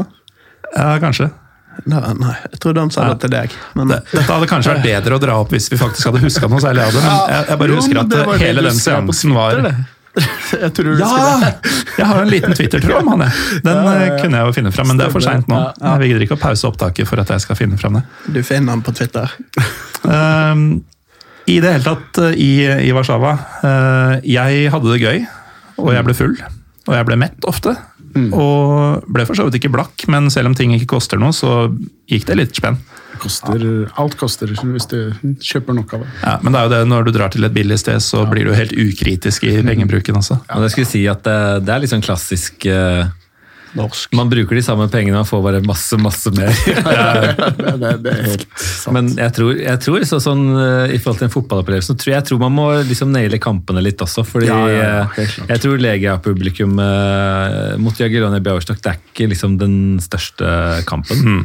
Nei. Nei, åpenbart. Eh, og det, de er blitt, det er nok blitt litt sånn bortskjemt med Champions League og Europa League og, og sånt. sånn at eh, men uh, i hvert fall de kampene som er mot uh, Lech Poznan og Wisła Krakow, da, og Krakowia kanskje litt når de er gode nå, da pleier det å være ganske bra fyr i teltet der. Altså. Men, eh, men jeg tror man må, man må tenke litt på hvilke kamper man velger. Rett og slett. De har jo en sånn legendarisk TIFO. uh, der de hadde fått en bot pga. at det sto folk i, i, I trappa. Gangene. Så fikk de 35 000 euro i bot. Der de lagde Dere har sikkert sett den, den store grisetifoen. Ja, med UEFA. Ja, Der du ser liksom grisen drar opp en ball, og så bare And the 30 000 euro fine goes to Og så var det liksom tillegg av Warszawa. Da, så vant, vant om den bota. Og det er liksom den og med Sånn UEFA-trekningball, var det ikke? Ja, ja det, er så, det er kanskje en av de feteste tifoene jeg har sett. De har sinnssykt mye fete tipper. Altså. Altså, det, var, det var ett år også de hadde Det var også en sånn der trekke opp ballen av eh, Det var etter at de hadde fått en sånn der vanvittig mengde med bøter. For de hadde en Ja, sånn, ja. de hadde en sånn eh, en sånn sak også hvor det var noen hooligans som brøyt seg inn på, på eh, ved noen losjer, tror jeg, på, på langsida. Og så stjal de sånne pepper, peppergass, eller tåregass, og spraya ned Og de spraya ned de der vaktene som sto der og, med balaklava og full pakke. da. Så de hadde fått noen sånne usaklige bøter. da. Eller kanskje ikke usaklig. kanskje egentlig, kanskje egentlig helt velfortjente bøter, ja. Men, Ifølge dem usaklig. ja, men så, så kvala de til, eh, til Europa neste år igjen også, da. Og da første kampen så tror jeg de hadde en sånn TIFO hvor det, hvor det også var en sånn eh, eh, var en som åpna en sånn eh, kule, da. Og så De holder opp en sånn lapp. ikke sant? Så hadde de sånn, Først så sto det sånn 'Guess who's back', og så var det Ja, liksom ja. lege. Ja, liksom. Var ikke det Det- det var vel etter etter den at de- Ja, det kan godt hende. Ja, jeg tror Ja. de hadde vært borte en stund akkurat da. For jeg, jeg, tror, jeg tror det var derfor de fikk en del kamper uten folk, Ja, på grunn det- av det det, jeg. der eh, som jeg akkurat snakka om, da, hvor de hadde stjålet noen sånn tåregasspistoler. Og, og så hadde de også, de hadde også en sinnssykt fin en eh, fordi På polsk så er eh, snømann det, det er bauvan. Det er polsk for snømann. Og så hadde de en sånn uh, alle, alle som hører på den podkasten, har hørt den frasen akab. da. All cops yeah. are bastards. Og så hadde de laga en sånn kjempetifo da, med en sånn eh, snømann med politilue og så to sånne dynamitter som hender. da. Og så sto det 'All cops are bowvans'. da. Alle, alle, alle politiet er snømenn. Men eh, Hans Christian, nå er det faktisk bare en drøy time til toget ditt hjem til Lillehammer skal gå, så vi, Ja, det det, vi, vi ja. må til Krakow. Krakow. Mm, ja. Og øh, vi har vært litt inne på det. Det er, det er jo en mer sånn hva skal vi si, turistvennlig, pen øh, by som man sikkert kan gå til de fleste steder i og sånn, men uh, ifølge deg så er den vel mer enn bare en pen by? Ja, det, det er jo en veldig vakker by. Og det har blitt en av de mest besøkte turistbyene i hele Europa, så vidt jeg har skjønt. Ja, den er populær, den. altså. Eh, Det, altså når jeg startet å studere, så hadde vel Norwegian hadde akkurat begynt å, å, eh, å fly direkte dit. Sånn at eh, det var, det var ganske, begynte å bli ganske mye folk der nå også, da også. Men det, det er jo en sånn eh, klassisk eh, Det er en gammel storhet. Da. Det er fortsatt en storhet, men eh, det er jo det som var Polen sin, sin hovedstad fra ca. årtusen til 1500. Og, det, og da ble den jo flytta til Warszawa. Det er jo også derfor at folk fra Krakow de liker ikke folk fra Warszawa veldig godt. Er det Polens Bergen? Ja, det, det blir kanskje det da. Så folk fra Krakow er ikke veldig glad i eh, Warszawa. Og det er også der, der hvor den rivaliteten kommer. Da. Det er ikke bare liksom at klubbene er suksessfulle, men det er liksom de to, de, de to viktigste byene i polsk historie. Da. Men Polen, nei, Krakow er vel en mer sånn klassisk sånn kunst- og kulturby. da. Det er nesten ikke et høyt hus, øh, og det er, veldig, det er jo en gammel by som, som hadde privilegiet av ikke bli bomba sønder og sammen, så den er jo sånn som den måtte ha vært. Mye små gater og masse, masse puber, uh, museer. Uh, ja, Auschwitz ligger jo ikke så langt unna der, så mange som reiser for å se. Og det er, det er en skikkelig sånn kulturby, og det har jo egentlig blitt en sånn skikkelig turistby også nå, da. Ja. ja, man merker at det er mye som er catered for turisme. At øh, Ja, man, Altså, det har du- blitt mer og mer av det. din familie for eksempel, merker kanskje at prisene har steget og sånne ting av det, eller? Ja, ja. ja. Det, nå, nå bor ikke de akkurat midt i Krakow sentrum, de bor et stykke utenom 20 minutter utenfor cirka. Men eh, fordi i gamlebyen i Krakow så er det jo ingen altså Innenfor de som har vært der, så er det, det er en sånn, på en måte en park som omringer gamlebyen. Og inni der er det jo ingen. Og egentlig i nærheten og der er det jo veldig få eh, vanlige polske mennesker som har råd til å bo. da. Så mye er jo kjøpt opp av, eh, av eh, europeere eller fra andre europeiske land. Og, og mye av butikkene som var der for ti år siden, har jo liksom blitt bytta ut med sånne vodkashottesteder og og liksom Sånn som turister turist, uh, da, rett og slett. Ja. Og det er jo litt trist, men uh, det er vel bare sånn kanskje det er på vei til å bli egentlig alle. Men akkurat det der greiene der, shottesteder, det har jeg sett flere steder I ganger i Polen. Ja. Men jeg tror jeg aldri har sett det i andre land. Det der bare, bare ned, shot, ut. Istanbul øh, har noen sånne. Ja, ja derfor, eh, jeg husker jeg har sett det både i Gdansk og Krakow før. Så jeg bare la merke til det. Og så, bare, og så Ja. var vi jo på et type shotsted i Warszawa. Var det det? Eh, Den, ja, det var veldig gjennomtrekk der, i hvert fall. Det, jeg tror Ja, den, vi, ja. Mm. Ja, nå, var- ja, stemmer det. Uh, nå, nå husker jeg. Ja, nå husker du det. Så, så, så jeg har liksom lagt merke til det, og jeg liksom kan ikke huske at jeg Jeg, har i hvert fall ikke lagt merke til det i andre land. Ja, jeg, jeg vet Så ikke, det er ikke en, sånn- jeg tror ikke det er sånn der, sånn som i Italia har de sånn der at de går og tar espresso. Jeg tror ikke det er en sånn greie, men Nei. det er mer blitt en sånn, sånn turistsak. Da, at Pol, altså Vodka er på en måte veldig polsk, og da lager man ting så folk kan liksom gå der og føle som de er i Polen på ordentlig. Da. Ta to shotter og så videre på utested, liksom. Eller bare strande der resten av kvelden. Ja, det, det også. Jeg mistenker at uh, ja, vi er ganske jevnaldrende alle fire, i hvert fall, men jeg kjenner jo ikke Hans Christian, så i hvert fall vi tre er kanskje havna litt sånn utafor hva skal vi si, uh, målgruppa for uh, dem som driver shotbar. Det, var mer øh, sannsynlig at jeg ramla inn i en shotbar i Øst-Europa som 22-åring enn en jeg er nå som øh, 100-åring. Jeg tror ikke vi drakk vodka i Polen nå. Mm, Nei um, Ikke bar, i hvert fall. Nei, I så fall var det en sånn her Sånn vodka-varianter var vi nok fort innom, kanskje uten å ha visst om det. Men uh, nå, nå handler det ikke om oss og Warszawa lenger. Helt greit. Uh, Hans Christian, Ja. du er ikke bare glad i Krakow by og fan av Wiswa. Du er sesongkortholder Ja. hos Wiswa. Jo, Uh, er det lett å bli? eh, det bare du vil betale for det, så er det lett å bli det. Altså det, Betale det det koster, eller, Ja, altså, eller må du kjøpe deg inn liksom, fordi det er så Nei. stort trøkk? og du er Nei, det er ikke og sånn. sånn? Det, det jeg tror de Jeg vet ikke akkurat hvor mange de kan ha ja, av sesongkort, men det er ikke noe problem å få i hvert fall når jeg har kjøpt. da. Hvor mange plasser er det på stadion? Uh, 34 000. Så det er større enn uh, Legia sitt stadion, tror jeg. Ja, jeg var... tror de er ganske jevnstore, egentlig. Ja, men jeg tror dere har et par tusen på dem i så fall. Ja. Men i, i Warszawa så har de jo en sånn nasjonalarena også som tar sånn 60 eller 70. Ja, Som de bruker til alle Som de bygde til EM. Ja, som de bruker til eh, alle landskamper og Mm. Cupfinaler og sånn, eller? Ja, også litt sånn speedway og sånn også, vet jeg. Ja, det er, stort, det er de glad i. Ja, ja, veldig. Hvilke andre idretter er store i Polen? Det er fotball er jo liksom den største, og så er det skihopp. Mm. I, spesielt i Sørpolen, hvor de driver med det, da, for ellers er det ikke snø noe særlig. Men eh, Katowice og sånn? Eh, ja, litt sånn inn i fjell... Nei, Zakopane er det jeg ja, tenkte på. Ja. Det ligger to timer fra Krakow. da. Men så er det liksom, det er liksom inn i fjellene. Enten så må du gå fra Katowice og inn i fjellene på, i Silesia, på en måte der. da. Uh, eller så må du gå inn i fjellene uh, mot Sakopane, Tatrafjellene. Og så er det volleyball er veldig stort der. Ja vel. Og speedway er veldig stort.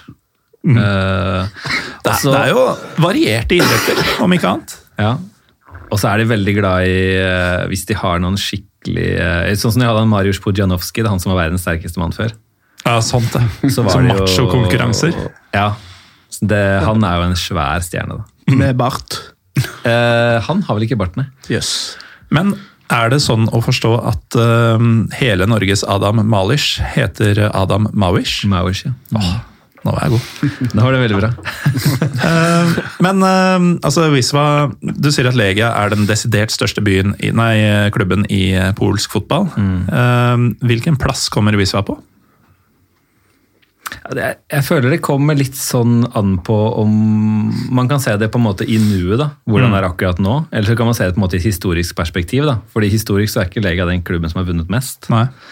De to klubbene som har vunnet mest, det er to klubber fra, fra Slonsk, eller Silesia, som heter, den ene heter Gornik Sabsje.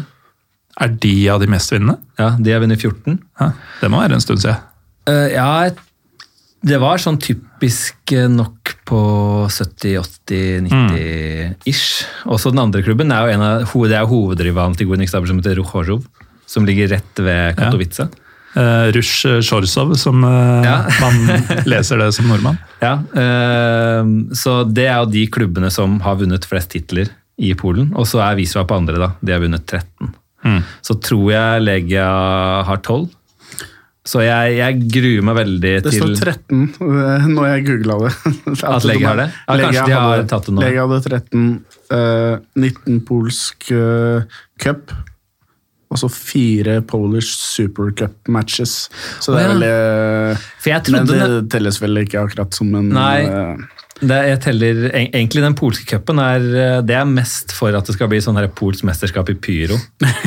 For det blir alltid noen sånne voldsomme koreografier på de cupfinalene. Men, eh, men eh, Nei, det er Det sto kanskje 13 i hvert fall. Ja, det er hvis både Visva og Legia har 13, så har jeg ikke noe å være redd for lenger. Jeg har alltid vært redd for når de liksom skal få like mange som Visva. Men, men, eh, så de er den største klubben nå. Så historisk så er det vel de tre største klubbene i Polen er Visva og Lech Poznan og så Legia Warszawa. Mm. Eh, ja. Um, jeg ser du har uh, gitt deg sjøl påfyll av såpelitse. Um, det gjorde ikke de andre. Så gutter, dere har fått uh, polsk slivovitsa i, i glasset deres. Og det er jo da, altså som vi sa om georgisk cha-cha, dette er jo i praksis rakia. Ja. Har dere, har dere smakt det nå? ja, Hva, hva syns dere? den var god. Ja, var den egentlig det? Ja, den var ikke så verst, den. da. Det var ikke så ille. Nei da. der verre. Den er ikke like, like sukret Å, det er flere som vil smake, ser jeg. Og kan smake litt, sånn unna. Men uh, Wiswa er altså en, en, en av de største klubbene i Polen, da, åpenbart. Ja. Um, det eierskapet, ledelsen og sånn som er i dag uh, Det har vel vært en viss turbulens for å, for å komme, i, komme dit? Altså, hva er det som har skjedd i økonomisk og, og styresmessig i Visva de siste årene? Hvis det går an å si før du skal på Ja, toget. hva, er det, hva er det som ikke har skjedd, egentlig? Men eh, Cuba er med, da. Er det ikke det? Cuba Jakob eh, Ja, Cuba, ja. Cuba. Jeg tror du mente landet igjen nå. Nei, ikke landet. Nei, Dette minner litt om da, da vi var i Minsk og fortalte en uh, hviterusser at uh, biblioteket som de var så stolte av, uh, var delfinansiert av Saddam Hussein. Det, det skulle ikke hun ha noe av. Men, men sånn er det, da. Men uansett, nå som du har fått summa deg. Ja, eh, nei, altså det som var greia var jo at eh, når jeg kom til Polen, da var jo på en måte Wisła var jo midt i sin, måte stor, altså sin siste storhetsperiode. da. Så du er medgangssupporter? Uh, nei, ikke sånn som det har blitt de senere åra. så føler jeg ikke akkurat det. altså. Men, uh, men de, eh, de, de, de vant det siste seriemesterskapet i 2011. Uh, og da var de eid av en som var en av Polens rikeste menn. da. Som eier et svært eh, Jeg tror de lager Hva er det de lager for noe? Det er noen sånn strømkabler eller noe sånt. Det kan være det samme. Men, eh, men eh, de var i hvert fall eid av, han. Og, men han fant ut at det var ikke noe man kunne tjene noe særlig penger på. Det der. Det var egentlig bare et sluk. Ja, Det var ikke som å drive med strømkabler. Nei, det var ikke det. Og han tapte jo masse penger på det også. Jeg tror det var noe sånn finanskrise rundt der, og at han tapte en del penger, da, så han ville ikke ha Wisła lenger. Og han skulle da finne en eier da, til, å, til å ta over klubben, og det fant han. Og han eh, var 25 år. Eh, og han hadde, jeg tror han hadde sånn 160 følgere på Twitter eller noe sånt. Så han var det jo ingen som hadde hørt om før. Eh, og han hadde jo heller ikke noe penger, da.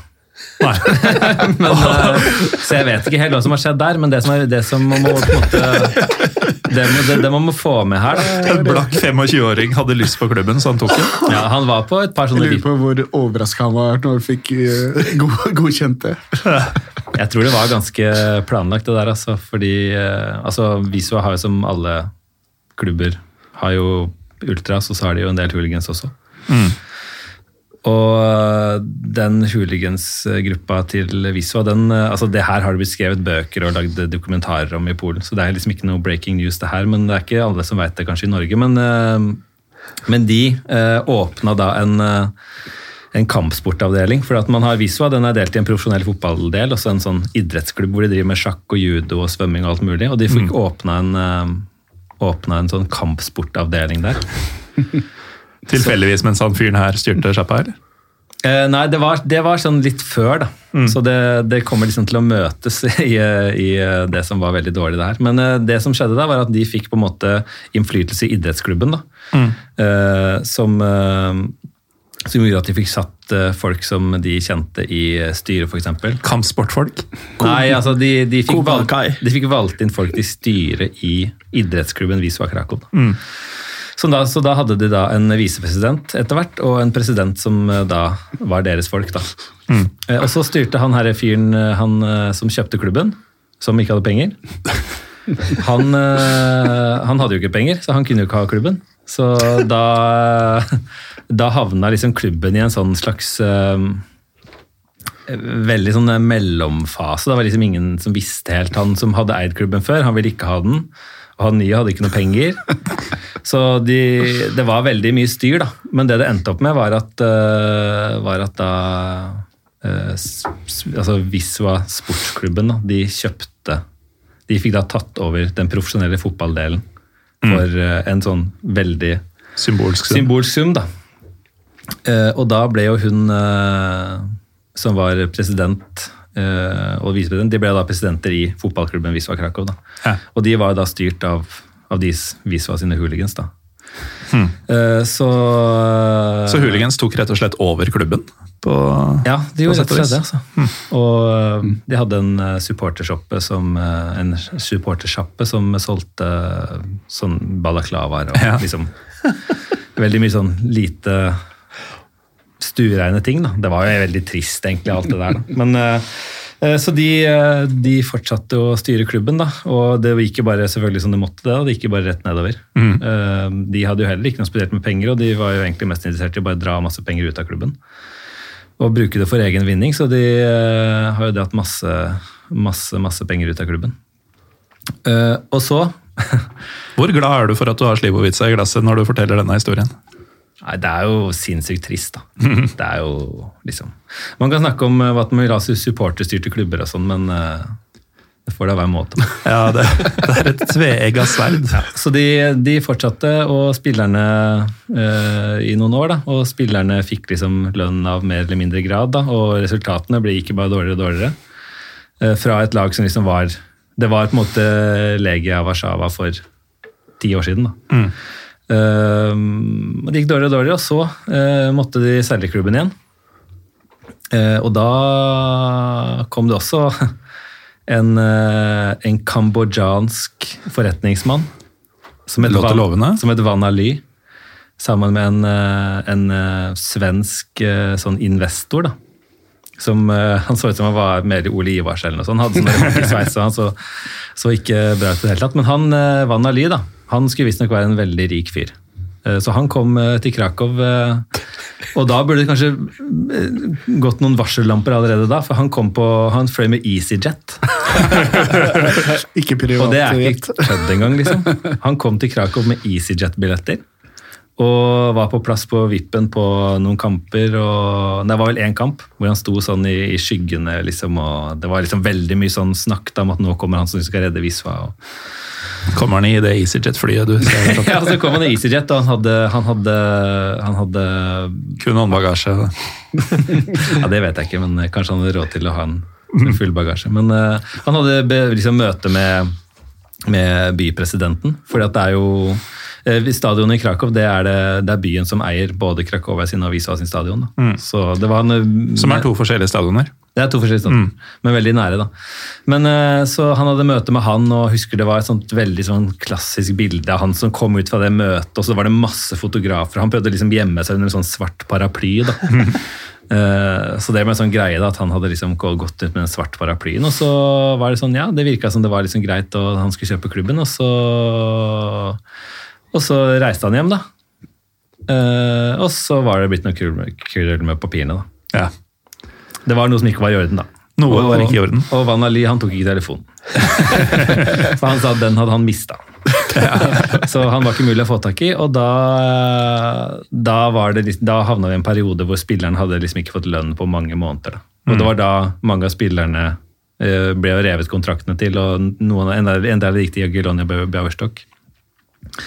En del forsvant utenlands uten at liksom Visva fikk noe penger for det i det hele tatt. Da. Uh, og det var da at uh, Kuba Barsjikovskij, han Dortmund-legenden, uh, som er, var jo allerede spilt i Visva når han var yngre. Det var liksom der han slo gjennom. da. Ja. Eh, det var der han eh, på en måte han var liksom, eller var liksom på hell i karrieren sin og bestemte seg for at han skulle komme tilbake igjen og, og på mange måter redde Krakow. da. Eller Wisła Krakow. Så han eh, kom, eh, kom sammen med Dette er en gruppe på sju-åtte eh, investorer som eh, gikk sammen da og fikk eh, kjøpt, kjøpt opp Wisła da før. Det var snakk om at de skulle ned i fjerdedivisjon og at eh, det skulle liksom bare slås konkurs. da. Sånn som har skjedd med mange polske klubber før. Og, eh, og de redda på en måte klubben da, og, og Koba skulle Han spiller Jeg vet ikke åssen det er i år, men i, fall i fjor, når han kom, så skulle han liksom spille resten av sesongen for 500 swati. da. Det er en Ja, tusen det er, ja. og den skulle doneres til et sånt barnehjem. Lokalt barnehjem, da. Eh, og da klarte de å redde plassen, og starta, starta i år eh, med liksom blanke ark. da, Tapte de ti første kampene. og lå liksom blanke ark, altså. Desidert nedrykksplass. Og så har det liksom ordna seg litt nå i det siste. da. Så har det- har det gått nedover derfor. Nei, det har, nå har det gått oppover. Nå har de faktisk ikke tapt på de åtte siste kampene. Ja. Eh, fikk, har ikke noe penger å handle spillere for, men fikk lånt inn nå, da. Ja, for Er det noenlunde samme gjengen som tapte alt i starten, som nå ikke taper lenger? Eller har de, Eh, ja, har de lånt inn masse? Pluss minus treneren og fire-fem spillere. Mm. Eh, Men det, det trengtes, da. Fordi at de hadde kommet til å rykke ned. liksom. Men sånn gikk det ikke, og Visva de lever i beste velgående i øverste divisjon fortsatt. Ja, de ligger eh, plassen over nedrykk, sånn at det er jo bare, det er bare, det er jo bare livets glade dager, det. Så enn en, en så lenge er man i samme divisjon som Krakovia, Ja. Fra samme by og Altså det, det høres Visva Krakow, det er, for det første hørte jeg om dem før jeg hørte om Krakovia. Og for det andre så høres det ut som en ekte klubb. Krakowia høres litt ut som sånn hvis du har spilt PES, um, Pro Evolution Soccer, hvor det er litt sånn fake klubbnavn og sånn. Det, det høres, ikke, høres ikke hardcore ut, men uh, hva kan vi si om Krakowia? Eh, Krakowia er jo eh, Hva skal man si om Krakowia? Krakowia er jo det, det, er jo det latinske navnet for Krakow. da. Så Ja. i Italia sier du Krakovia, Mm. på en måte. Eh, og i andre land også sier de Cracovia, men det er jo det, det de sier at er den eldste fotballklubben i Polen. Så de har litt å skryte av. Ja, nei, altså det er, en, det er jo en uh, veldig Altså jeg er ikke jeg er ikke sånn som sitter her sånn som Visva supporter som hater Cracovia. Liksom. Jeg, altså jeg, jeg er ikke glad i Cracovia, men eh, jeg syns at uh, de har veldig masse å være stolt av de, og, og det er som sagt Nå er jo dokumentasjonen fra sånn eh, 1800-1900-tallet er jo litt sånn som så, da. Noen steder så sier de vel at Krakow ble stifta i 1899, men det som er det mest, uh, mest uh, vanlige, er vel å si at både Visua og Krakowia er stifta i 1906, men at Krakowia var stifta litt før, da. Og for de som har vært i Krakow, så ble jo da de, de, altså de, Der hvor det ble stilt fotball først i Krakow, det er den parken som ligger rett ved siden av eh, Wisła sin stadion, som heter Reymonta. Eh, ja, gata heter Reimonta. Eh, stadion heter eh, noe annet. Et oppkalt etter en Wisła-legende. Mm. Men eh, det var der de første, de første de første fotballkampene ble spilt, i Krakow. Eh, og så eh, rett ved der ligger det en park som heter Trekantparken, da, som er formet som en trekant. Og på hver sin side av den parken som ligger da Visva Krakow sin stadion. Ja. Cirka kanskje sånn 500 meter unna hverandre. eller noe sånt. Så det er tette, tette bånd på sett og vis. Det er eh, Det har på en måte aldri det har aldri vært, Den ene klubben har aldri vært uten at den andre også har vært. på en måte. Nei. Men eh, når, eh, når folk flest, kanskje til og med Heine, tenker på polsk fotball og polsk supporterkultur, som Heine ofte gjør, så er det jo dette med Legia og deres enorme tifor og pyroshow og sånn, spesielt i europacupkamper. Og så er det derbyet i eh, Krakow som kalles eh, The Holy War. Eh, før vi kommer inn, for det er en match du har vært på, og det skal du få fortelle litt om. men hva er forskjellen fra klubbene? Altså, er, det, er det noe sosialt, historisk, geografisk Altså, sånn- åpenbart ikke. Så Eller- rent historisk, da, sånn før, før andre verdenskrig, Mm. så var Krakowia var kjent for å være en veldig sånn åpen klubb. da. Mens mange klubber, og blant annet, det er ikke bare de, men blant annet de, også, også EUKS Woods fra Woods, også et par andre klubber. Eh, Mens mange klubber gikk i en mer sånn eh, at f.eks. for eksempel utlendinger skulle ikke få lov til å spille på lagene, jøder skulle ikke få lov til å spille, sånne ting. Uh, deriblant uh, ja, det, var mange, det var mange klubber, det. Men deriblant Visva, da, som hadde en mer sånn restriktiv holdning. Mens Krakowia alltid, eller alltid, i hvert fall de var en sånn klubb som var veldig åpen for alle. da. Så de hadde, hadde en del jøder som spilte der, de hadde forskjellige folk som spilte der. da. Eh, Så det er, jo, det er jo på en måte noe stort som de kan ta med seg fra sin historie. Og, så, og, og, og fra det så har det jo alltid blitt kalt for på en måte eh, De blir kalt for at, den, at det er en jødisk klubb, da. Er det mange som sier at det er da. Det er ikke Fordi de tillot jødiske spillere? Ja, fordi at de var litt sånn åpne og sånn, mm. sånn det, da. Skal ikke mer til. Nei, og det er det samme, det er det samme med, samme med EOKS Woods, at Widzew kaller de for det samme. Men eh, de tar det jo på en måte litt opp selv, sånn som eh, altså hooliganfirmaet til, eh, til Cracovia kaller seg selv for Jude Gang. Ajax også omfavner veldig dette jødiske aspektet Ja. hos seg. Og Ajax og Krakowia har jo et sånn vennskapsbånd. Der ser du. Mm. Eh, jeg vet ikke, Det er vel eh, sånn generelt, men i hvert fall sånn på hooligan-nivå og ultranivå, så, så reiser Cracovia ultrasen og spiller sånne vennskapsturneringer i Amsterdam og sånne ting. da. Mm. Er du klar for å begynne å sikle og drømme litt, Stefan? Ja. Hvordan er det på The Holy War-derbyet, Hans Christian? Det Det er eh, For, for det ser ut som noe av det mer eksplosive du får i eh, Nord-Europa, i hvert fall. Ja, det er, det er det nå. Dessverre så har de siste årene så har det vært uten bortesupportere. Det, det ødelegger alt. Ja, nå kan man kanskje si at uh, Cracovia Ultrasen ødela litt for seg selv, da. Men uh, fordi Du har ikke Visa sin skyld, dette? Nei, akkurat det her var ikke det, faktisk. Fordi eh, det som, har skjedd, det som skjedde for var det tre år siden, eller sånn, var at uh, altså på Krakow sin stadion så står da liksom ene kortsida er selvfølgelig Krakowia, da, og så helt på den andre siden borti svingen så sto Visua. Og da tok liksom Cracovia sine ultras de tok seg liksom langs hele langsiden til de på en måte kom i sånn skuddavstand til Visua-supporterne. da. Ja. Og da husker jeg satt hjemme Det var ikke den kampen jeg var på, da. Jeg har ikke vært på bortederby før, men, øhm, så satt jeg og så så det gikk opp en sånn der svær sånn der svart duk da. På, på langsiden tenkte jeg det var jo veldig merkelig tifo det der. Ja, det er ikke ofte man har det på langsida si. Nei, ikke sant? Jeg trodde det var, liksom, var for vanlige folk. Men uh, den var der oppe en stund. Det var liksom, man så liksom at det var noe som foregikk der. Og så gikk den eh, duken ned, og så begynner liksom, eh, så dukker det opp liksom kanskje 30 stykker med balaklavaer og stripete For de har stripete drakter. Med stripete gensere, og begynte å hive bluss og fyre opp sånne raketter som de fyrte opp bort på Visva sine Ja. fans. da. Det er ikke noe ålreit gjort. Nei, det var ikke veldig ålreit gjort. Så, så etter den kampen der, da, og det var jo, det var jo liksom skandale, da. Mm.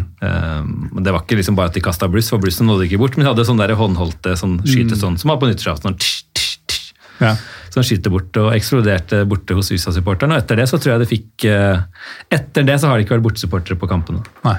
Eh, Så, eh, så det Men det, det er fortsatt heftig. Det er liksom noe ekstra ved Så det de- er, det er ute bortesupporterne? Nei, nei, altså de, Det er vel mer for at uh, altså, Dette gjøres jo i flere land på høyrisikomatcher. Det er jo bare for at de skal, skal ikke ha et samlingssted eller møtested for supporterne av de forskjellige lagene. Da. Og da går det alltid utover bortefansen, uavhengig av hvem som er hjemme. Du kan liksom ikke stenge, utstenge hjemmefansen og ha bortefansen på en kamp. Det, det blir litt Så ja, det, det var jo De fikk jo en ganske sånn heftig De fikk heftig økonomisk bot for det, og så fikk de, eh, fikk de at de måtte spille i hvert fall det neste Jeg husker ikke om det var ett eller to derbyene som, som de hadde hjemme, da, som måtte spilles helt uten tilskuere. Og det var ikke noe bortetils, og det har ikke vært noen bortetilskuere på Krakow, Krakow, altså Krakow Derby sånn etter det. da. Nei. Eh, Det ene så slapp de inn eh, bare unger mm. på Krakowia sin arena. Unger og kvinner, da, eller? Eh, Nei, jeg tror det bare var barn, faktisk. Ja, Skole, sko, skolebarn, rett og slett. Ja. Med, jeg, tror det var eh, med lærere og Det var noen foresatte med, men Mm. det, det var litt morsomt, da, for det var jo på Kra- Krakowia sin hjemmebane. Det de ikke tok høyde for da, er jo at Viso er jo den mest populære klubben i, i Blant barn? Ja, altså blant alle folk. Sånn at eh, Det eneste du hørte gjennom hele kampen, var jo bare Visva-sanger med en barnestemmer. da. Så det ble også noe som ble en liten sånn skandale for KKV. da. Det hørtes liksom ut som det var en hjemmekamp for Visva. Men eh, nei, det er det er skikkelig heftig, de kampene der. altså. For dette er jo sånn, eh, i hvert fall da det var bortesupportere, så er det jo en tradisjon som går igjen også igjen da, flere, gang, flere steder i Øst-Europa. At eh, man i løpet av tiden siden forrige derby eh, driver og overfaller hverandre. eh, og tar da supporterutstyret som noen har på seg. Altså Hvis Stefan hadde sett Heine gå rundt med et Vålerenga-skjerf på gata i Oslo, så hadde han knocka ned Heine bakfra, tatt det skjerfet. Kanskje tissa litt på Heine mens de lå på bakken. uh, og når kampen kommer, så samler man sammen alt som man har fått tak i fra det andre laget, og brenner det på stadion. Eh, og så er det om å gjøre å få det største bålet, rett og slett. Ja, det altså, liksom det, er intensiteten vi snakker om her. Ja, nei, det, er, eh, det, er, det er veldig intenst, altså. Da, og da blir det gjerne det blir gjerne litt skjerf som har blitt stjålet, eller banner eller hva det måtte være, som henges opp ned, og så tenner de det på. da. Ja. Eh, og det gjør de vel egentlig uavhengig om det er uh, borte- eller hjemmefans. Ja, det gjør det uansett. Men, Men eh, det er ikke sånn at begge en- sider gjør det lenger, samtidig. Men, nei, ikke, jeg vet ikke når det kommer til å skje neste gang, men uh, sannsynligvis er det en stund til. Men uh, det blir jo litt sånn ekstra effekt når det er bortefans, da.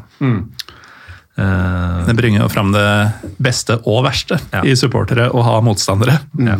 Men det blir jo litt sånn ekstra når eh, altså Det som skiller klubbene i, i forhold til sånn Det er ikke så mye som skiller de egentlig. Sånn, eh, I hvert fall ikke sånn som det er nå, da. Du sa du bodde i et uh, Krakowia-område da du studerte der. Eh, på hvilken måte da?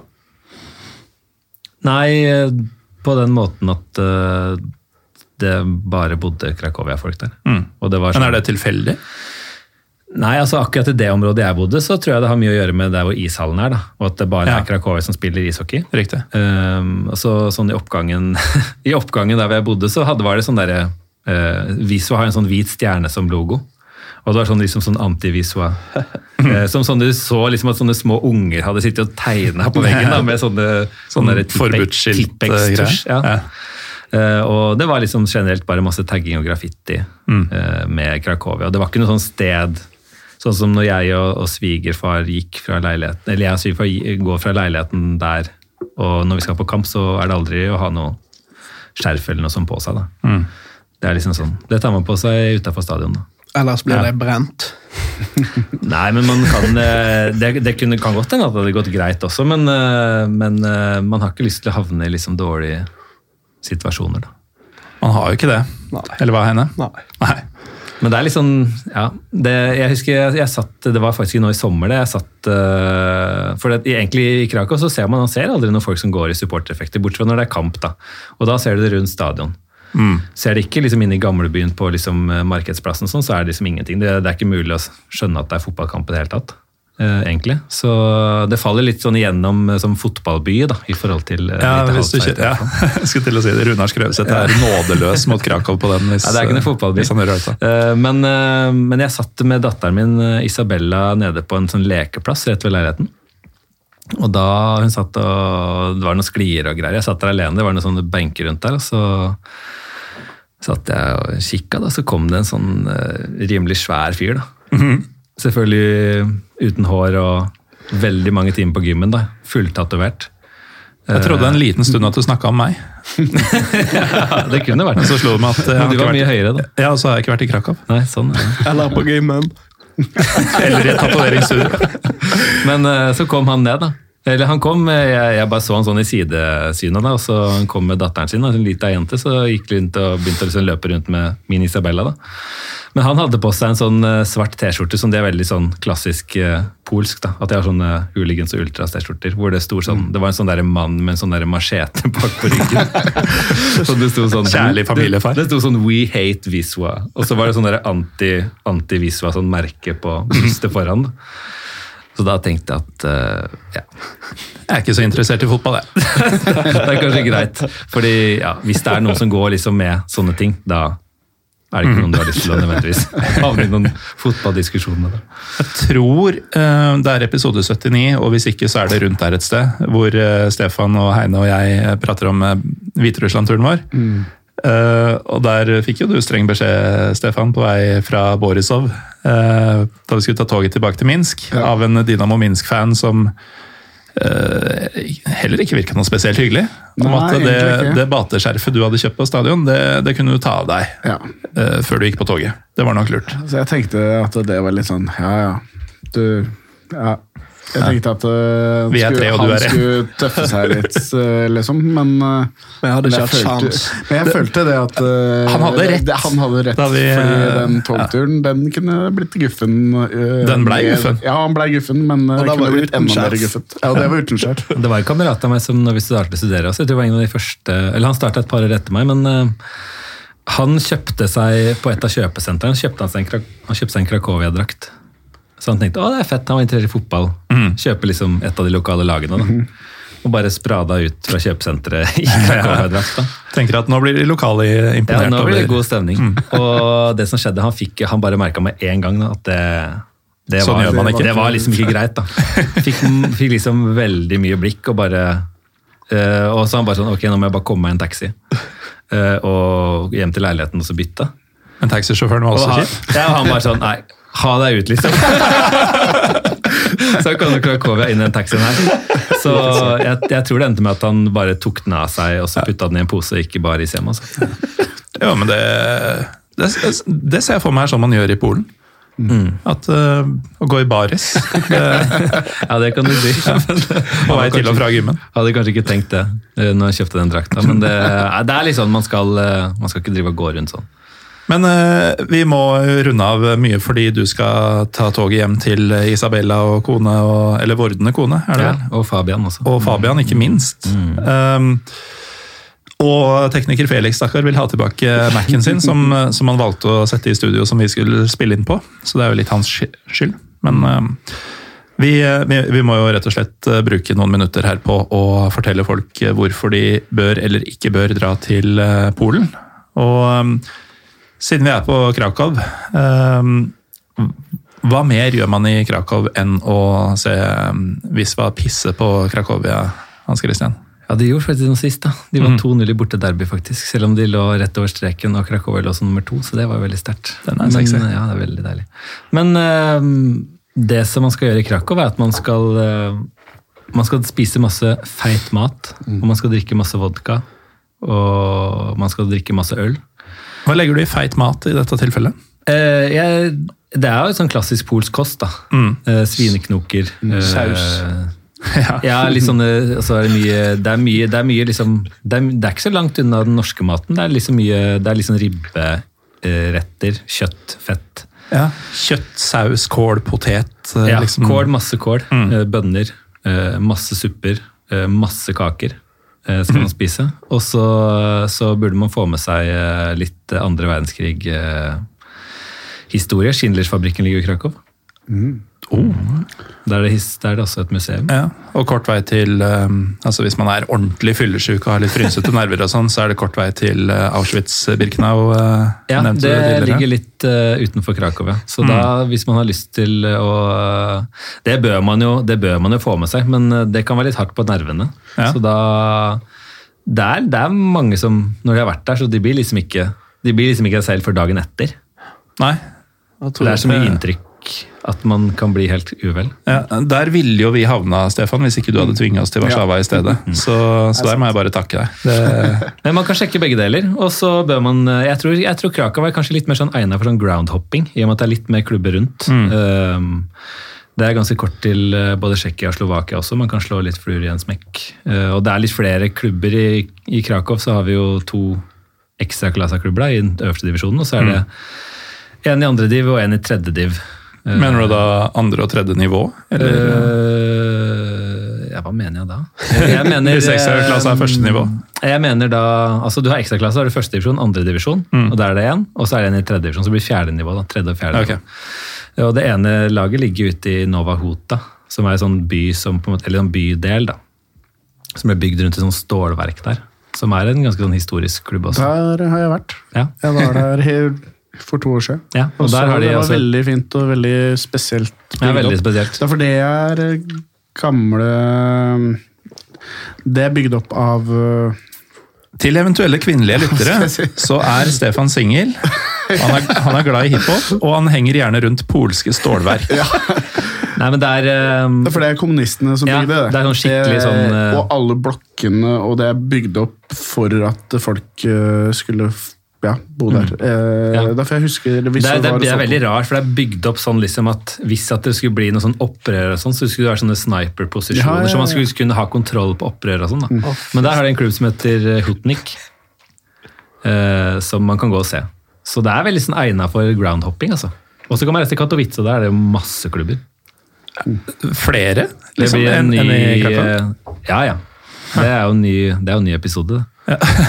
Nei, men rundt Katowice så Men vi setter det på lista. Altså, når, Ja, Sørpolen er Sørpolen, definitivt ja. eh, ja, for, for dette er jo et av de- klassiske avslutningsspørsmåla på disse reiseepisodene. Ville vi dratt tilbake? Altså, vil vi, Syns vi at dette landet var kult? Og for min del, definitivt. Ja, ja. Eine? Ja. uh, ja, absolutt. Krakow høres veldig spennende ut. Jeg er jo veldig sånn bias, da. Men eh, det er veldig fint, og det, og det er veldig sånn fint rundt. Og så har man testa Warszawa, så kan man teste Krakow, og så kan man teste de andre byene også. Og hvis, hvis en kan komme dit og ta en dag eller noe sånt med deg òg, så er en jo virkelig i mål. Jo, altså, jeg, jeg tror vi alle er enige om at eh, når vi skal til Krakow, så er det med Hans Christian. Ja, I hvert fall Det- litt. Det er bare å si fra det. Ja, du, du er jo stort sett der. Er der. Fire-fem-seks ganger i året, hvert toget til Katowice, så kan vi groundhoppe litt der. Ja, Mm. så- sikker på groundhoppingen. skjenker vi, skjenker vi Heine på Soplitza og drar til uh, Auschwitz dagen etter. Ja. Og så blir det noe svineknoke etter Auschwitz. Og så har vi egentlig itineraryen eh, klar. Har dere noe som heter Kebab King i Krakow? Ja, Du må faktisk få de siste fem minuttene her til å, til å fortelle om ditt forhold til Kebab King. Jeg vet ikke om det er Kebab King, men det er kebab noen steder. Heine, du er jo en av dem jeg kjenner som har altså selv i sånn studieår og 20-år og fylleår og hele den greia der, hatt det mest avbalanserte forholdet til kebab av alle jeg kjenner, tror jeg. Eh, selv, uansett hvor drita du har vært, så har det aldri vært sånn 'Å, herregud, for en fest i munnen dette var'. Men i Warszawa Ja, Det var et eller annet spesielt med den rulladoen jeg kjøpte på. Altså rullekebaben. Ja, Var den meksikansk? Han har stor Ja, hvem veit? Han var i hvert fall utrolig god. Et eller annet med dressingen som bare var fantastisk. Jeg er veldig en grunn til at jeg vil reise tilbake til Warszawa, er å prøve, Spise på prøve flere ganger. Prøve den edru, se om han er like god. Ja, altså, det var fantastisk. vi, vi var jo Altså, vi tre som var på denne Warszawa-turen sammen, vi, vi er jo eldre enn vi var før. eh, som veldig mange blir når de blir eldre. um, så, så det er ikke like ofte man er sånn masse på fylla lenger, nødvendigvis. Som var det det handla om i 20-åra. Men på denne turen så blei vi ganske drita ganske ofte. Og den siste kvelden så var vi kanskje verre enn de andre kveldene. Ja. Og det var da vi havna på Kebab King, så det kan forklare litt. Kan Men eh, Stefan og jeg er jo litt sånn kebabkonnissører. Ja.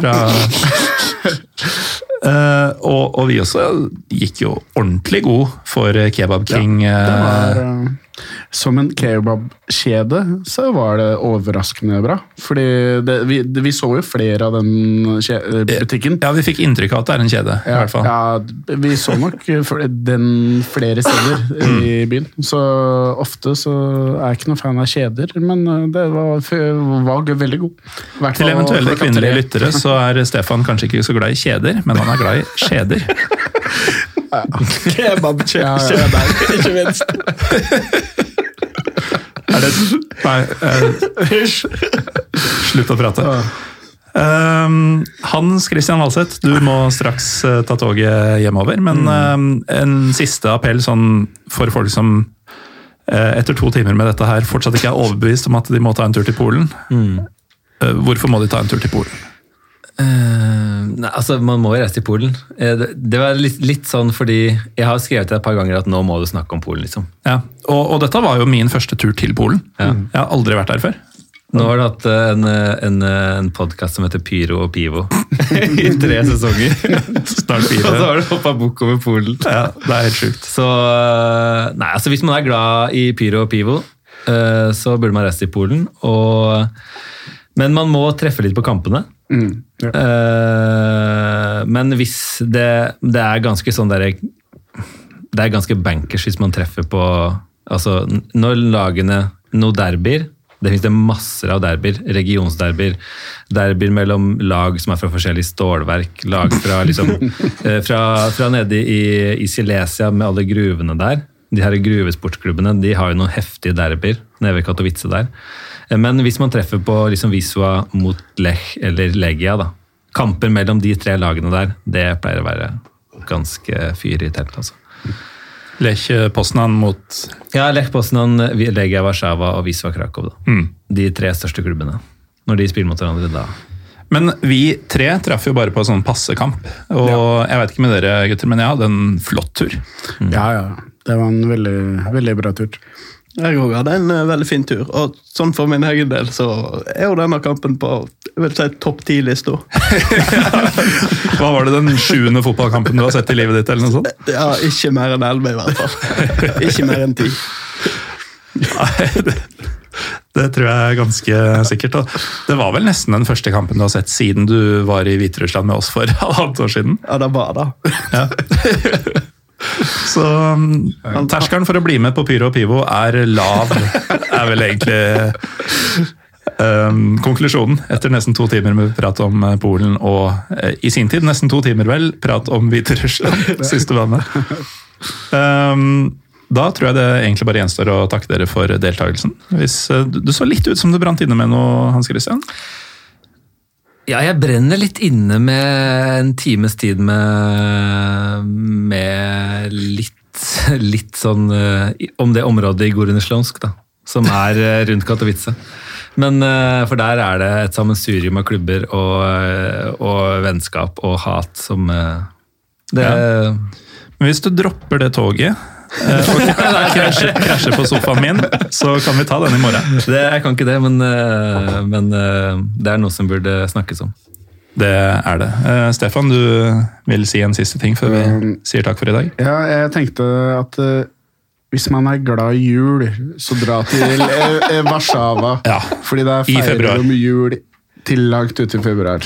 Vi møtte han polske kameraten vår. Han gikk i julegenser i Når var det du var der? 20. februar. Ja, vi var, ja. Og det var jule, juleting overalt. Alle restauranter. Juletre. Ja, det var juletrær juletrær. utafor restauranter. Det Det, det, var julemarked fortsatt ja. på torget i gamlebyen. Ja. Det, det var i det hele tatt juletema over hele Warszawa, føltes det ut som. Når jeg var i Krakow nå for en ukes tid siden, så var det vel ikke så mye jul, men, eh, men de er eh, bra på jul. Ja, altså Jula varer helt til påske, fikk vi inntrykk av. Ja, og jeg, jeg, jeg, har- jeg har jo blitt såpass polsk at eh, hjemme hos oss så, så er det jo jeg som liksom Jeg må kjempe for å ha julepynten oppe så lenge som mulig. Da. Jeg synes det er veldig koselig. Men hvor Men, lenge er det da? Sånn eh, Er det nede før vinterferien kommer? For det var det ikke i Warszawa.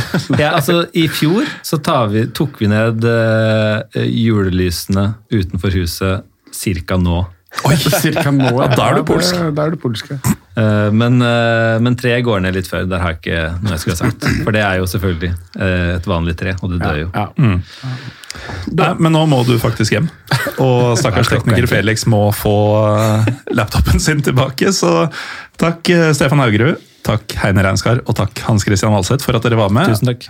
Takk til dere som hører på. Takk til dere trøndere, som jeg kommer til å treffe face to face eh, på et utsolgt, eh, forhåpentligvis, eh, Mellomveien i Trondheim Sammen med Jørn fredag 15. mai. Jørn Jamtfall blir gjest hvis han gidder. Og hvis jeg får tak i ham.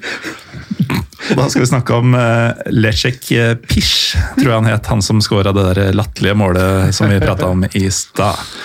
Jeg heter eh, Morten Galaasen. Følg Pyro Pivo Pod på um, Twitter og Instagram. Lik Pyro Pivo på Facebook, og ta en tur inn på pyropivo.com.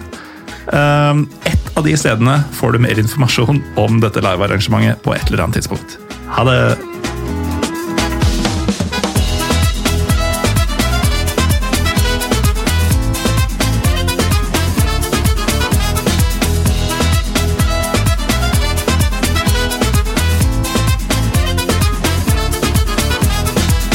Hans Christian måtte kanskje hjem til familien, men uh, Stefan, du har noe faenskap i, i sekken, du. ja, jeg har det. Du glemmer at uh, du trenger mikrofon for å snakke.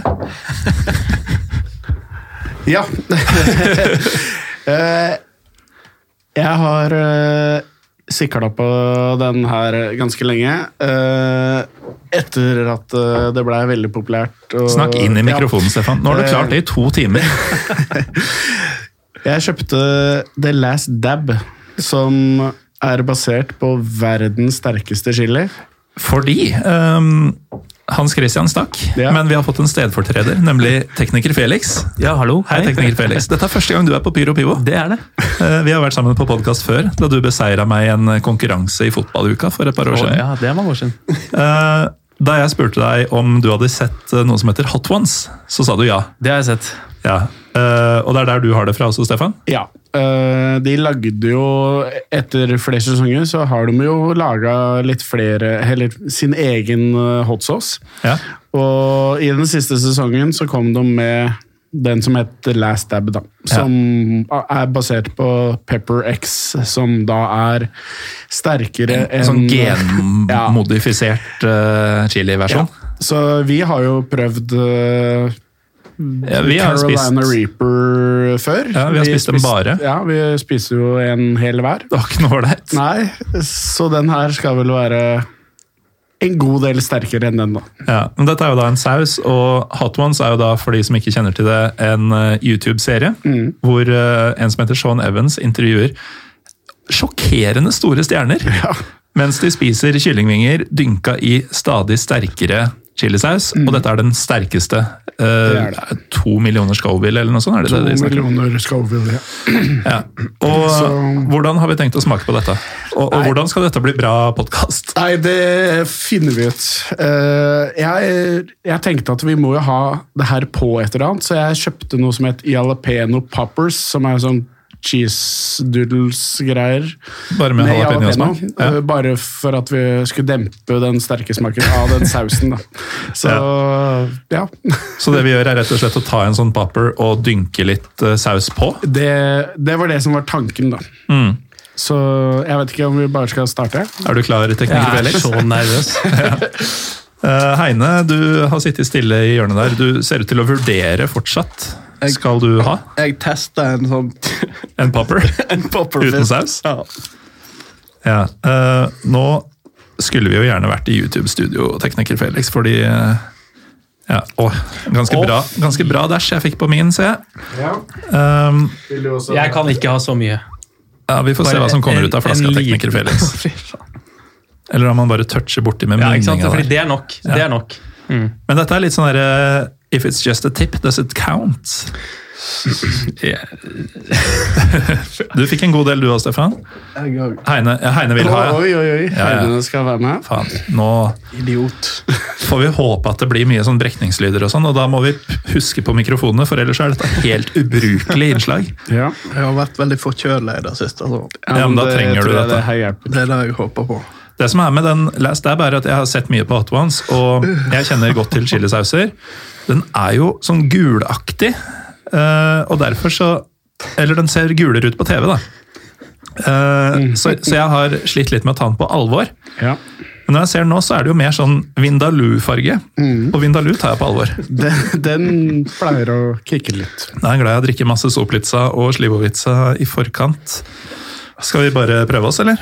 Ja. Og si, siden igjen da vi ikke har kameraer på oss, så, så er dette et ganske håpløst uh, konsept. Så om vi kanskje knasker godt inn i mikkene. ja. Vi prøver okay. på det. En, to, tre. Nå er det jo ingen vei tilbake her. Nei. Ikke så ille helt i starten. Nei. Men den der Vindaloo-greia, den eh, Altså, det er noe indisk over den. Ja. Det er noe kick uh... Men så langt går det jo bra. Ja. Jeg Um, syns Hot skuffa, Ones Last Dab XXX by Heatonist. Um, heat level 10 out of 10. Og mens vi venter på reaksjonen kommer litt, eh, så kan jeg prøve å lese litt her. Caution. The hottest sauce on Hot Ones cranks the spice levels even higher with a special XXX rated version of the last dab. Three distinct strains of smoking Ed Curries Curries heter den faktisk. Ja. Uh, most infamous chili, Pepper X. Chocolate Pepper X. Jeg kjenner ikke så mye sjokoladesmak. Nei. And Peach Pepper X. Kjenner ikke så mye fersken heller. Combined to smoke out celebrity guests and fans alike. Add a dab to your favorite foods, som for eksempel jalapeno poppers. Ja. And live the hot ones tradition. Jeg klarer meg helt fint, altså. Jeg vil prøve mer. Ja. Oi! Det var litt for lite, tror jeg. Det var litt lite. Ja, Ja, men skal, ja, det tror jeg nok du skal, fordi du Igjen, da. Eh, vet ikke om bare tuppen teller. Nei, Jeg er skrapt av litt for mye. Så jeg, jeg Den er fin, den. ja. Sånn. Ja. hvis jeg får, sånn liten den, hvis jeg får den Men eh, det er jo ikke noe Vi er jo ikke døden nær noen av oss. Nei, Stefan, du kjøpte jo melk før vi gikk i studio, men den er fortsatt, uåp Mm. fortsatt uåpna. altså den skal ikke åpnes hvis det ikke blir verre enn det her. Men altså, reaksjonen min Bare- foreløpig, Blir det verre? det er det jeg håpa på, da. Men nå har vi hatt den en stund. Jeg er litt skuffa. Ja, det altså, det, det er- kiler sånn ganske intenst midt på tunga. Ja. Um, ellers er det helt levelig. Ja, men da Jeg tror nok åra uh, synes i panna, men det gjør den jo. Og at eh, det er litt svette og sånn. Men eh, jeg er ikke i smerte. Nei. Se her, ja. Heine tar en eh, runde to. Da kan ikke vi være verre, Stefan. Nei, nå skal vi tape litt ekstra bare for å være sikre. Ja. Ta, vær grusom mot meg nå. Dette segmentet trodde jeg skulle være sånn to minutter langt, men nå, nå tar det den tida det tar. Åh! Ok, der fikk jeg halve jalapeno cheese-doodlesen min eh, dynka i eh, denne såkalte ekstreme sausen, som Ja, jeg bare spiser det. Tok på bra du òg, Stefan. Nå tygger jeg på andre siden. Eh, Den første la jeg i venstre side av kjeften, nå la jeg den på høyre. For å se om det jevner seg ut. Til nå er det ikke så har, Nei, det er jo ikke det. jeg har fått sterkere kebab fra ei vogn på Nationaltheatret. Ja. Og ikke minst det derre um, grilla saueinnvollene du spiste på stranda i Istanbul den gangen, midt på natta. Og det, Fra, fra baksiden av en eh, lastebil. ja, det var ikke sterkt. Nei. Men eh, det burde jo gjort eh, opprør med systemet likevel. ja, så, Nei da, det var nydelig. Ja. Jeg skjønner litt mer nå. men, sånn men fortsatt eh, ikke i nærheten av når vi spiste chilien. eh, Nei, da fikk jo jeg magekramper resten av kvelden. ja, den satt hele veien hjem til Årnes. Men det jeg gjorde nå, jeg, glemte meg litt, og så drakk jeg litt av ølen min. Det er svakt. Jo, men en ting mange gjør feil, er at de tror at du må drikke vann. Ja, det hjelper Eh, ingenting. Nei, uh, og her har det gjort verre. Fordi nå har jeg spredt det sterke rundt i kjeften. Mm. Uh, og det gjør Heine nå også. Eh, Jeg hadde ikke nok på. nei, det, det intensiverte lite grann, men jeg har fortsatt ikke begynt å sikle og sånn. Nei. Så jeg har sterkere saus enn dette hjemme. Ja, Det er jeg helt sikker på. Eh, Jeg har smakt. Felix, du ser eh, egentlig ganske chill ut. Ja, det, er, det gjør vondt litt sånn akkurat der hvor det traff tunga. Mm. Men egentlig er det ganske greit. Den var god. God på smak òg. Ja, den var faktisk fin, altså. Jeg Skal vi vi- skal eh, prøve å bestille ekte Pepper X uh, chilier, ja. Så skal vi prøve igjen. Ja, det er For neste det steg. var nesten litt skuffende. Men eh, med dette litt sånn mislykka eksperimentet, så har lytterne fått en liten bonussnutt etter eh, Polen-episoden. Eh, Felix, du som ikke hørte et minutt av det, eh, hva syns du om det vi leverte om Polen i eh, episoden? Det er sikkert kjempebra. Er kjempestolt. Kommer du til å høre på den? Nei, Kjempestolt. Fokusert og saklig. Det var en fin samtale. Ja.